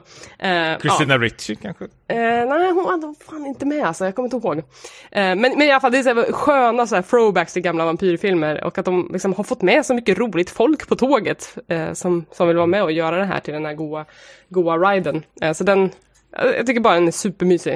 Eh, Har du sett något av eh, Flight of the Conchords? Ja, det har jag. Eh, och Jermaine från det är ju också med Ja, och utvecklar den här Ja. serien. Han har också varit med eh, en liten sväng där. Eh, så det är ju verkligen den typen av humor. Mm. Ja, men det, jag älskar Flight of Conchords. Jag gillar eh, What We Do in Shadows-filmen när den kom ut. Sen har inte jag sett serien alls, men jag är jättesugen på den. Mm. Ja, men den alltså den är eh, otrolig, men och inte heller avslutad, så att jag vet inte hur mycket de har planerat här, men jag, såhär, Mm. för mig så får den gärna leva forever and ever som en vampyr liksom. Och, Mm. och de här skådisarna som spelar de här vampyrerna, jag har aldrig sett dem förut, men de är helt otroliga i de här rollerna. De är, de är så bra. Ja. Mm, ja, jag ska sluta fangirla det här gänget, men jag skulle kunna hålla på. Nej, men det är kul. Det ska jag Mm. absolut kolla in. Eh, får jag prata lite om Cobra Kai? För det har Ja. ni sett jättemycket om. Ja, du har skickat så mycket giffar och videoklipp från Cobra Kai till oss att vi har, kan liksom inte ducka det här längre. Nej, men jag, jag, är, jag är helt jävla förälskad i Cobra Kai och det tror jag aldrig, aldrig jag skulle säga. Jag är uppvuxen med Karate Kid, är jag verkligen inte, men jag har sett Karate Kid och jag, precis som allt annat sån här 80-tals eh, skimmer och allting så tycker jag det mesta är faktiskt skit. Eh, Karate Kid är jag inget så jättestort fan av och därför när man fick höra att den här Cobra Kai kom ut så kände jag väl lite så här eh, ja, nej, det här är väl ingenting för mig. De, de kommer väl spela på någon så här billiga eh, nostalgireferenser eh, och sen är det väl med det. Men sen tog jag ändå tummen ur röven och, för nu kom det ju den här tredje säsongen och Netflix har ju varit med och liksom så här eh, producerat nu den här. Den har ju varit innan på så här YouTube Red. Vad är det egentligen? Ingen aning. Så nu finns det på Netflix de här tre senaste säsongerna och det är så otroligt jävla bra. Så du följer de här två rivalerna. Ni känner liksom grundgrejen till eh, Karate Kid. Typ. Det var länge sedan men- jag såg den, men... Ja, men vi, vi, vi, alltså det är så simpelt. Du har en hjälte som heter Daniel eh, LaRusso och så har du den här onda Cobra Kai-snubben Johnny Lawrence som slåss mot slutet och så gör han den här eh, trandansen eller vad fan Just det är för. Trandansen, transparken, jag vet inte vad det kallas för, någonting heter det. Men det som gör som jävla mysigt med den här serien är att du får följa den här förloraren som fortfarande lever med det här, alltså 30 år senare och har så här, nästan som posttraumatisk stress. Han har inte släppt Wax On och Nej Wax han, Off fortfarande. absolut inte, nej, han har absolut inte släppt det. Och den här äh, Daniel LaRusso lever ju vidare, har gått vidare och jobbar på någon så här bilföretag och säljer filmer. Men han säljer dem till så här karatepriser eller något liknande. Och han ser ju de här reklamplanscherna överallt och blir så här frustrerade. Ehm, och då, e- efter mycket om och men så får han för sig att starta en ny dojo som han döper då till Cobra Kai. Men Daniel LaRusso, Daniel LaRusso har ju det här förflutna med Cobra Kai, det, det förknippas bara med ondska. Medan Johnny Lawrence då, den här ondingen från förra, vill liksom så här, ja men han, hans alltså, grundtanke är väl att alla, eh, som han säger, alla ungdomar idag är ett gäng fucking pussies. Och nu ska han göra dem till 80-tals eh, coola män liksom. Wow. Så han, det, alltså den, den gör det så snyggt, som inte jag lyckas göra nu, men är att den liksom vänder på steken lite. Så alla alla ungdomar som liksom blir utsatta för trakasserier eller mobb mobbade går ju till den här skurken då istället för att liksom, så här, träna upp sig och få liksom bättre självförtroende. Och då ska ju Daniel LaRusso liksom samtidigt starta ett egen dojo då och dit söker sig massor med typ ex-skurkar kan man väl säga. Inte alla, men som man hör redan nu så blir det liksom så här två rivaliteter mellan det här. Och det den gör så jävla snyggt precis som, eh, vi kanske kommer att prata om det lite också, men som Sex Education är att den har så otroligt mycket hjärta och hjärna. Alltså de sätter så väldigt, väldigt mycket, lägger så mycket energi på de här eh, karaktärerna. Att det finns inte något som heter gott eller ont, utan det finns även liksom gråzoner eh, däremellan. Att eh, bara för Daniel Ross har liksom utmålats som en god snubbe så behöver det inte betyda att han är så här, eh, världens bästa människa heller. Han åker ju dit till exempel i något avsnitt i serien att han har ju den här dojon med så här, japansk musik för Miyagi sensei har ju det. Att många tycker att han är lite så här rasistisk och gör så här yellowface och Ja, allt cultural appropriation. Ja, precis, Ja. Mm. och han bara så här, men jag vill bara göra en dojo för min japanska tränare. Alla bara, "Jaha, ja, men det ser inte så jättebra ut. Så mycket sådana saker. Jag, jag, alltså den är ju väldigt, väldigt rolig också. Eh, men det jag gillar mest nästan är att den har så vä- väldigt, väldigt mycket hjärta och den försöker sätta ännu mer liksom kött på benen på de här karaktärerna och göra dem till liksom riktiga människor. De känns jättemänskliga och det känns hur bra som helst faktiskt, tycker jag. Jag tycker absolut ni ska kolla in där och man behöver inte sett den här pissiga jävla skitfilmen Karate Kid. utan hoppa direkt in till det och om det är något man har missat så liksom kommer de göra snabba liksom referenser till, alltså återspeglingar till de här gamla filmerna och sen är det klart med det. Liksom. Alla ska med på tåget till det här. Men eh, den här serien har väl fått en fjärde säsong, eh, liksom Ja. fått klartecken, så den här är ju inte klar. Nej, Finns det någon oro, oro från dig att det här inte kommer att hålla hela vägen in i mål? Apropå det du sa för en stund sedan, att du gärna vill se allt, på ett, ha facit i hand innan du börjar titta på en serie. Ja, nej, men precis. Jag säger lite emot mig själv lite, men jag var tvungen att se vad det var för någonting. Sen fastnar jag ju bara för det här, för liksom avsnitten är 25 minuter långa. De är, det går ju så snabbt liksom. Och jag var lite orolig när jag såg första säsongen och tänkte så här, hur mycket kan man egentligen... Jag tyckte väldigt, väldigt mycket om första säsongen, men jag tänkte så här, vad, fan, vad, vad kan man göra av det här egentligen? Men de hittar nya liksom infallsvinklar och vrider och vänder på väldigt mycket. Och äh, jag tycker det är hur bra som helst faktiskt. Men jag vill inte säga för mycket för det, det, det, det är skitbra. Jag, tycker absolut, jag, tror, jag tror ni två kommer gilla det väldigt mycket faktiskt. Vi har faktiskt bokat in att det ska bli nästa grej. Men, men eh, du nämnde Sex Education här. Vi kan ju också droppa det lite snabbt här. För det, säsong två kom ju också under 2020. Och som, som du sa, den, det är också bara en serie som har väldigt, väldigt mycket hjärta och själ. Att det, det handlar ju om den här eh, Otis vars mamma är sexterapeut och han har plockat upp väldigt mycket ifrån henne. Eh, Och kanske bara generellt också en sund person. Så han börjar eh, ge sexrådgivning på skolan där han går. Och eh, eh, i själva verket så är han också oskuld. Så att han bottnar ju inte i något av de här råden han ger ut. Utan han liksom bara, ah, ah, ah, han killgissar mycket liksom. Copypasta. Ja, eh, men, det, men ofta går det liksom dåligt och ibland går det bra liksom. Det är lite både och. Eh, Men, men eh, jag vet inte, det känns som att man kommer tillbaka för, till Sex Education för Gillian Anderson, för hon är ju fantastisk som hans mamma. Eh, Oj, Ja, okej. nej, jag, jag, tycker- I fucking love her. Aha, jag tycker hon är, förutom Mikael Persbrandt så är det fan, de, de, de två är de eh, sämsta i serien. Jag, Det jag finns, alltså ju- kidsen är ju också otroligt bra. Kidsen är fan fem plus. Fan. Jag älskar varenda jävla unge i den serien. Så fort liksom old people kommer in i bild, jag blir så här, "Åh!" Nej men det, det är det jag älskar verkligen med både Sex Education och Cobra Kai. För liksom fan, tänk om man hade sådana här ungdomsserier när man var liten. Vad fan hade vi? Jävla pissiga Dawson's Creek och...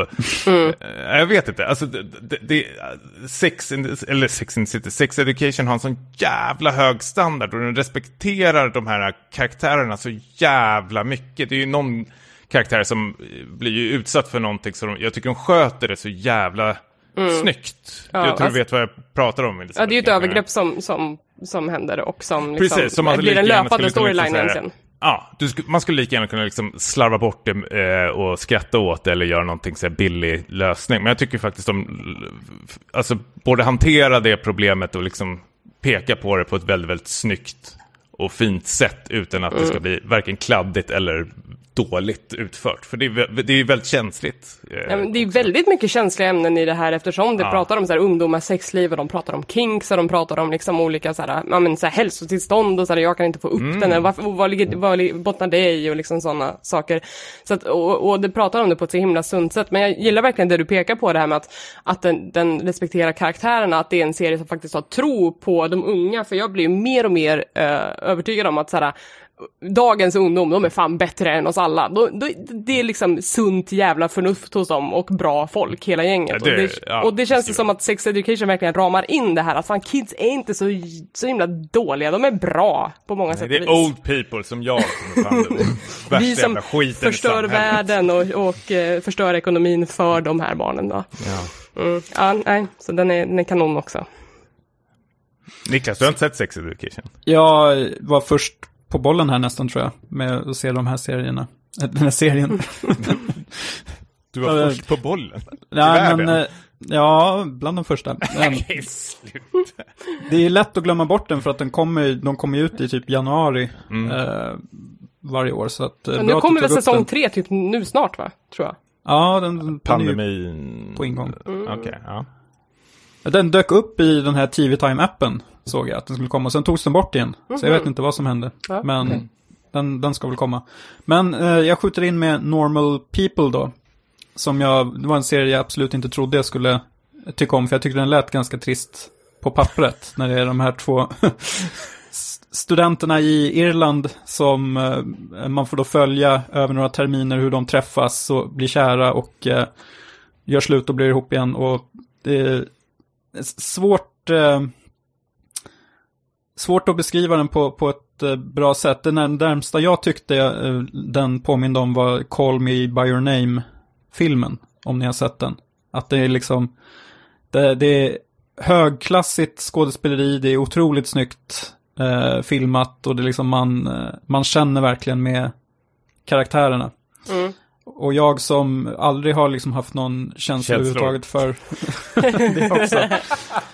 för, för Irland fram, framförallt skulle jag säga, blir ju ty, tokpeppad på att åka till Dublin. Och hänga med de här studenterna kanske. Kröka. Är för gammal. Nej, ja. Eh, Oh. Old people. Mm. Elisabeth, jag vet att du plöjde den här. Ja. Ehm, och har väl läst boken också kanske? Mm, jag läste boken eh, för, för ett par månader sedan och sen när du sa att ah, men jag, du, du skulle prata om den, då tänkte jag, men då klämmer jag den också och ser hur den är, kanske framförallt i relation till boken. Och det är en jättetrogen adaption först och främst. Det tyckte jag var superspännande att se att hur trogna de var till grundmaterialet och vilka bra skådisar de hade hittat som verkligen förmedlade de känslorna. För det är så mycket inre monolog i den boken som inte går att få, få till i en serie, men de lyckas göra det ändå. Jag kände verkligen igen de här karaktärerna och kvalen som de, som de gick igenom. Uh, och den, såhär, den här serien är ju deppig, den är riktigt deppig. Folk mår ju dåligt hela tiden. Men, men eh, det är också en ganska såhär, intressant studie i liksom hur maktförhållandet mellan de här eh, två huvudkaraktärerna skiftar eh, i olika skeden i livet. Att så här, eh, ja, men såhär, hon kommer från en rik familj men, men liksom mobbad i skolan medan han är såhär, fotbollskillen och alla tycker om honom och ingen tycker om henne. Och sen så liksom börjar det här steken vända på sig ju äldre de blir och när de byter miljö och sådana saker. Och det, och det påverkar också deras relation jättemycket.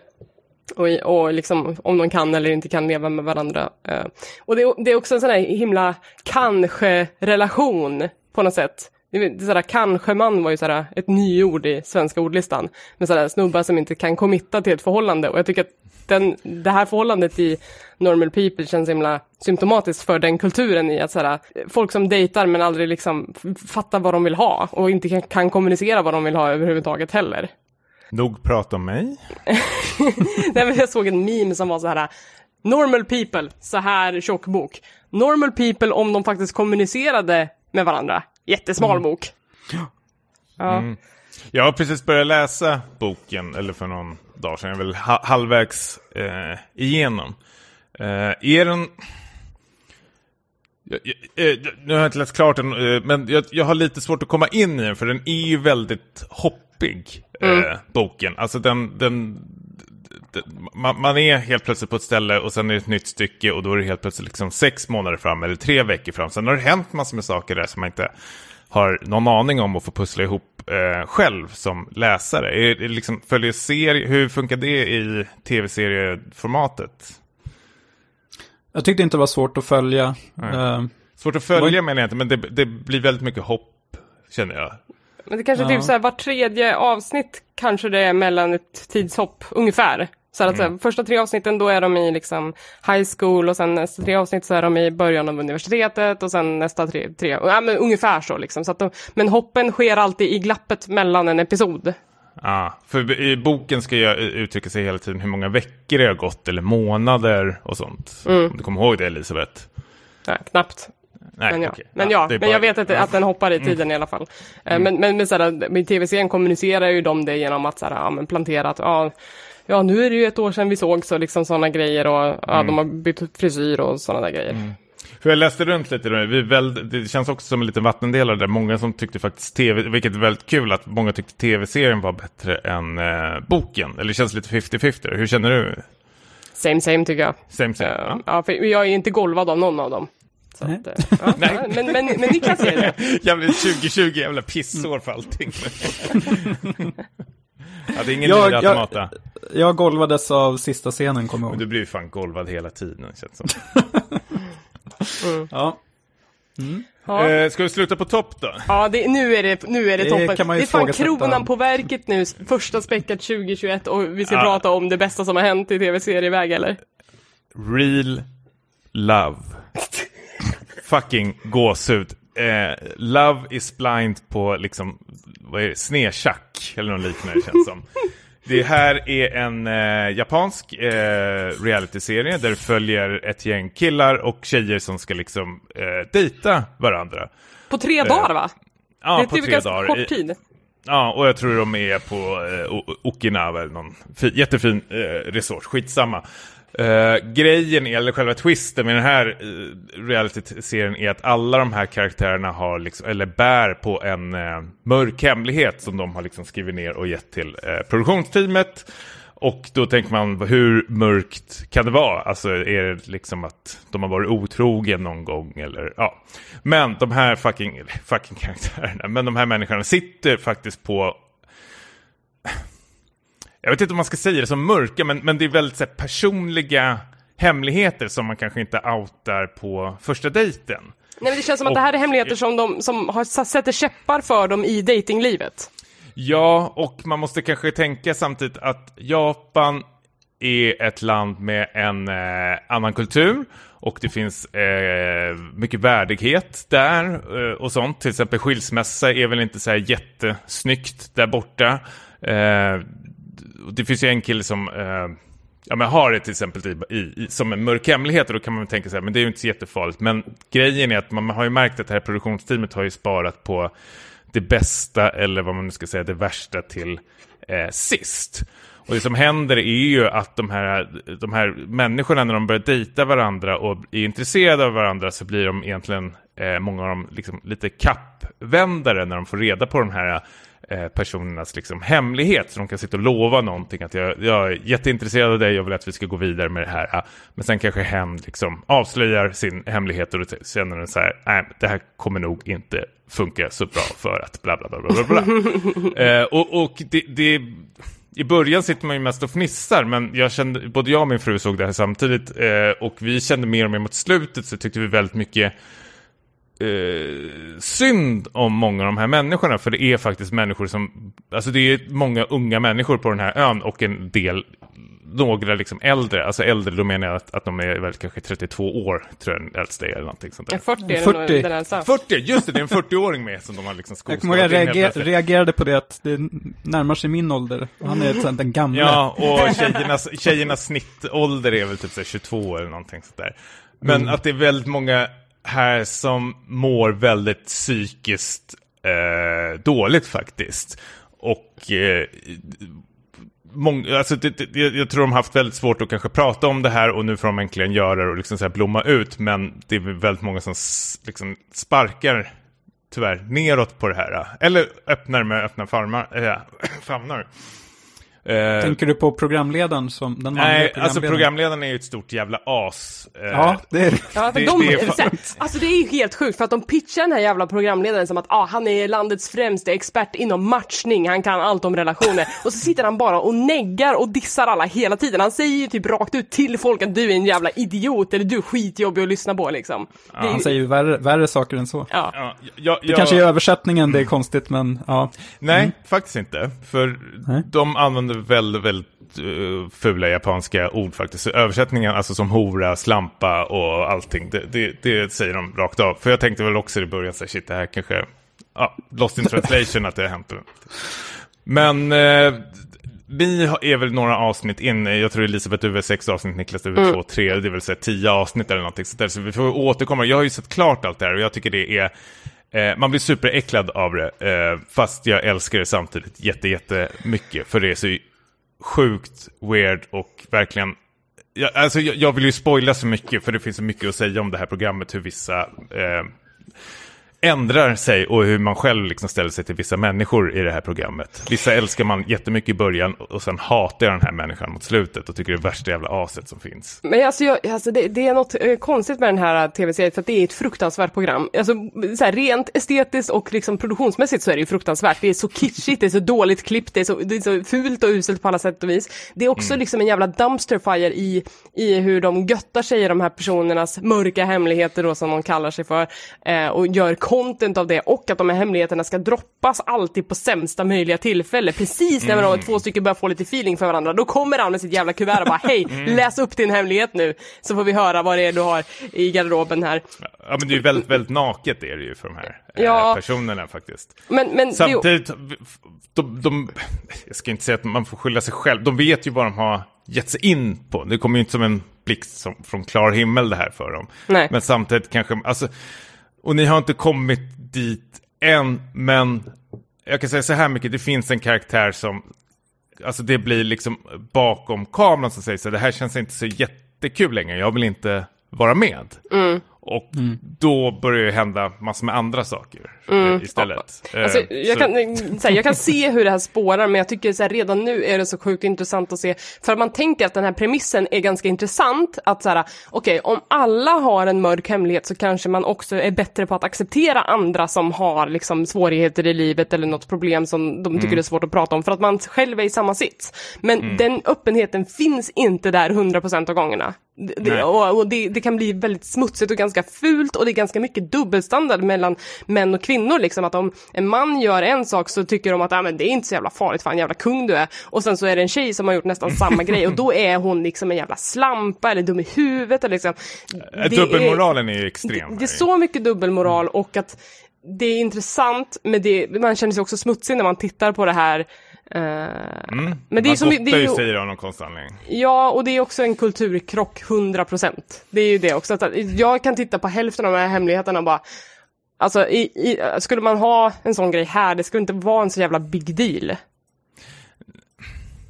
Ja, nej, men du, jag, så återigen, det, kom, det kommer mer Ja, jag kan saker. tänka men, mig men, det. det, det, men det finns ju en person, han, han är ju liksom, han, han hatar ju kvinnor. Det märker man ju på direkten, för det är någon som kommer ut och säger typ, hej, jag, jag, jag har legat med många eh, sp- sportmän, vad säger man, så sporteliter? eller Ja, någonting atleter. Eller- idrottsmän. Atleter, tack. Ja. Och han var på direkten liksom så här, eh, ja, du får skylla dig själv, du är en jävla hora, det är du som har utsatt dig själv för det. Istället för kanske typ så här, eh, okej, det är någonting som har hänt här, varför liksom har det gått så långt för dig? Och hur mår du idag, typ eller någonting sånt där. Och han känner inte henne, vet inte var hon kommer ifrån, men han liksom väljer att attackera henne och liksom outa henne framför andra och säga typ så du är en jävla hora, eh, medan han har två andra tjejer bredvid sig. En av dem är, ska jag säga också, tycker jag också att det blir väldigt obekvämt när han börjar hata, medan den andra hejar på nästan känns som. Alltså det är skitkonstigt, det är så jävla weird alltså. Men ja, den karaktären, han som, ja, kvinnohataren, han gör ju en otrolig resa kan jag ju säga. Oj, okej. Ja. Men känner du när du har sett klart serien, känner du dig fortfarande så här lite smutsig eller känner du dig att du mår bättre när du har sett klart på det här? Katarsis. Katarsis. Ja, nej, eh, jag började faktiskt, jag hittade en Reddit-tråd och eh, letade upp alla de här faktiskt på eh, Twitter och eh, Instagram och började liksom rota runt. För jag, jag blev ju supernyfiken på direkten, precis som Love is blind, så här, vad, vad händer idag? Hur mår de här personerna eh, idag liksom? Eh, det finns en person som jag verkligen ville veta vad som hände, vad hen eh, utsätts för mot slutet, blir jag verkligen så här, ah, okej jag måste kolla vad som hänt, men den personen har bara liksom, det finns ingenstans att hitta. Oj. Oj, Så det, mörkt. det, ja. Nej, nej, jag, jag, ja. håller tummarna att må jättebra. Det tror jag säkert också. Men att liksom, ja, jag ska inte säga så mycket. Men, eh, mm. Ja, nej, men det är det. Real Love, verkligen årets eh, reality-serie. Måste Finns på säga. Netflix va? Netflix, Ja, Netflix den, finns ja. den. Nej, det, det har varit en, de här avsnitten jag har sett, jag har klämt dem på en dag och jag känner mig utmattad efter det här. Liksom. det, det är sinnessjukt faktiskt. Ta Ja. resten ikväll då, kanske. ja, det kan hända. Kan hända. Niklas fnittrar bara. Nervöst. Vad heter det? Är det, där, är det där vi stannar för idag kanske? Det är där vi stannar idag. Ja, vi har mycket bra tips här nu på både spel och tv-serier. Nästan två timmar plöjde vi det här på. Eh, Ja, men det jag- var en summering över 2020. Ja, bra summering tycker jag. Jag fick, fick mycket bra tv-serier och filmtips framförallt av sånt jag inte har, har kollat in än. Eh, Mm. Så det, det, jag känner pepp. Känner ni er pepp? Kör- Skitpepp. Och det är väl lite så här späckat eh, kommer se ut i framtiden har vi eh, bestämt. Eh, på grund av våra livssituationer och allting sånt där så kanske vi inte bara kommer fokusera på spel 100%. Att spel kommer vara vår huvudfokus, men vi kommer även prata om liksom, populärkultur i dess helhet, tror jag väl mer. Ni får rätta mig jättegärna om jag har fel, för det är väldigt luddigt det här. Vi har väldigt, men det som vi har brinner för. Eh, och det blir väl mycket film, serier, böcker, manga, musik. Brädspel, brädspel, Brädspel, brädspel. absolut. Så liksom allting som vi tycker är kul att prata om kommer vi lätta på hjärtat i kommande avsnitt faktiskt. Men det känns som att det här, att den här, så här, prioriteten här är att jag får snacka med er två om saker som är kul. Det är inte så mycket så här, nu ska vi leverera den här contenten till the crowds. Nej, det får du göra på speljuntan. Ja. Ja, det har, det har jag andra kanaler för att göra. Ja. men det kan vi väl lika gärna slänga in och rekommendera. Det är väl ingen som har missat det. Fan, om ni är här, gå vidare till speljuntan. Dumma i huvudet. Jag tänker mig att det här kommer vara liksom den goa B-sidan dit alla så här hardcore-fans hittar om man vill ha mer och, eh, och Mer av Elisabeth. trashigare. Elisabeth och barskrapet. Ja. Kommer vi komma i, med i den här Discord-kanalen på? Va- Vilka är de här två glasögonormarna? Jag kommer att eh, berätta allt för dem då. Eller inget kanske. Nej, kanske eh, Viktor från tredje gången gilt äntligen kommer ringa mig och säga så här, hörru, jag vill ha med dig i min podcast. Ja, Berätta we- mer om dig själv, det verkar vara så jävla intressant. Weeb. Weeb-podd blir det då. Ja, Just det. Ja, Kan ni precis. bonda över japanska spel? Mm. Och jag kan berätta om Rain of Reflection.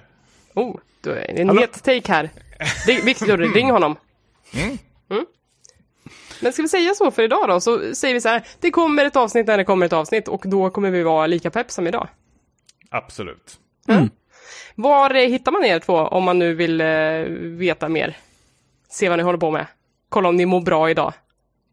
Vad gör du nu? Eh, mig hittar man väl på Instagram, där eh, är det jag och Bebisbilder. Eh, och jag heter väl Stimpas där. Jag måste sen- säga att du är ju den bästa föräldra bebisbildpostaren som finns på sociala medier tror jag. Vad snällt tack, jag älskar min son. Jag tycker det är fan bästa jag varit med om i hela mitt liv faktiskt. Mm. Du Eh, gör bra content på honom. Tack. Eh, Niklas, du då? Ja, One Last Niklas på Instagram. Det är kattbilder framförallt. Också Eh, bra. När det väl uppdateras. Mm, jag heter Hangry Spice på Instagram. Har Twitter också, Hangry Eli, men jag bara re- retweetar shitposts känns det som, så det följer mig inte där. Det, det dit skattebetalarnas pengar gick till. En gång i tiden, En gång i tiden. för att försörja mig alltså, så att jag kunde äta mat. Ja, hörni. Skönt att slippa det där jävla skiten. Nu, Ja, speljuntan fri får det fräs nu. ja. Ja, Inga spärrar. Gött. Hörni, ta hand om er så hörs vi igen så småningom. Samma. Hej då!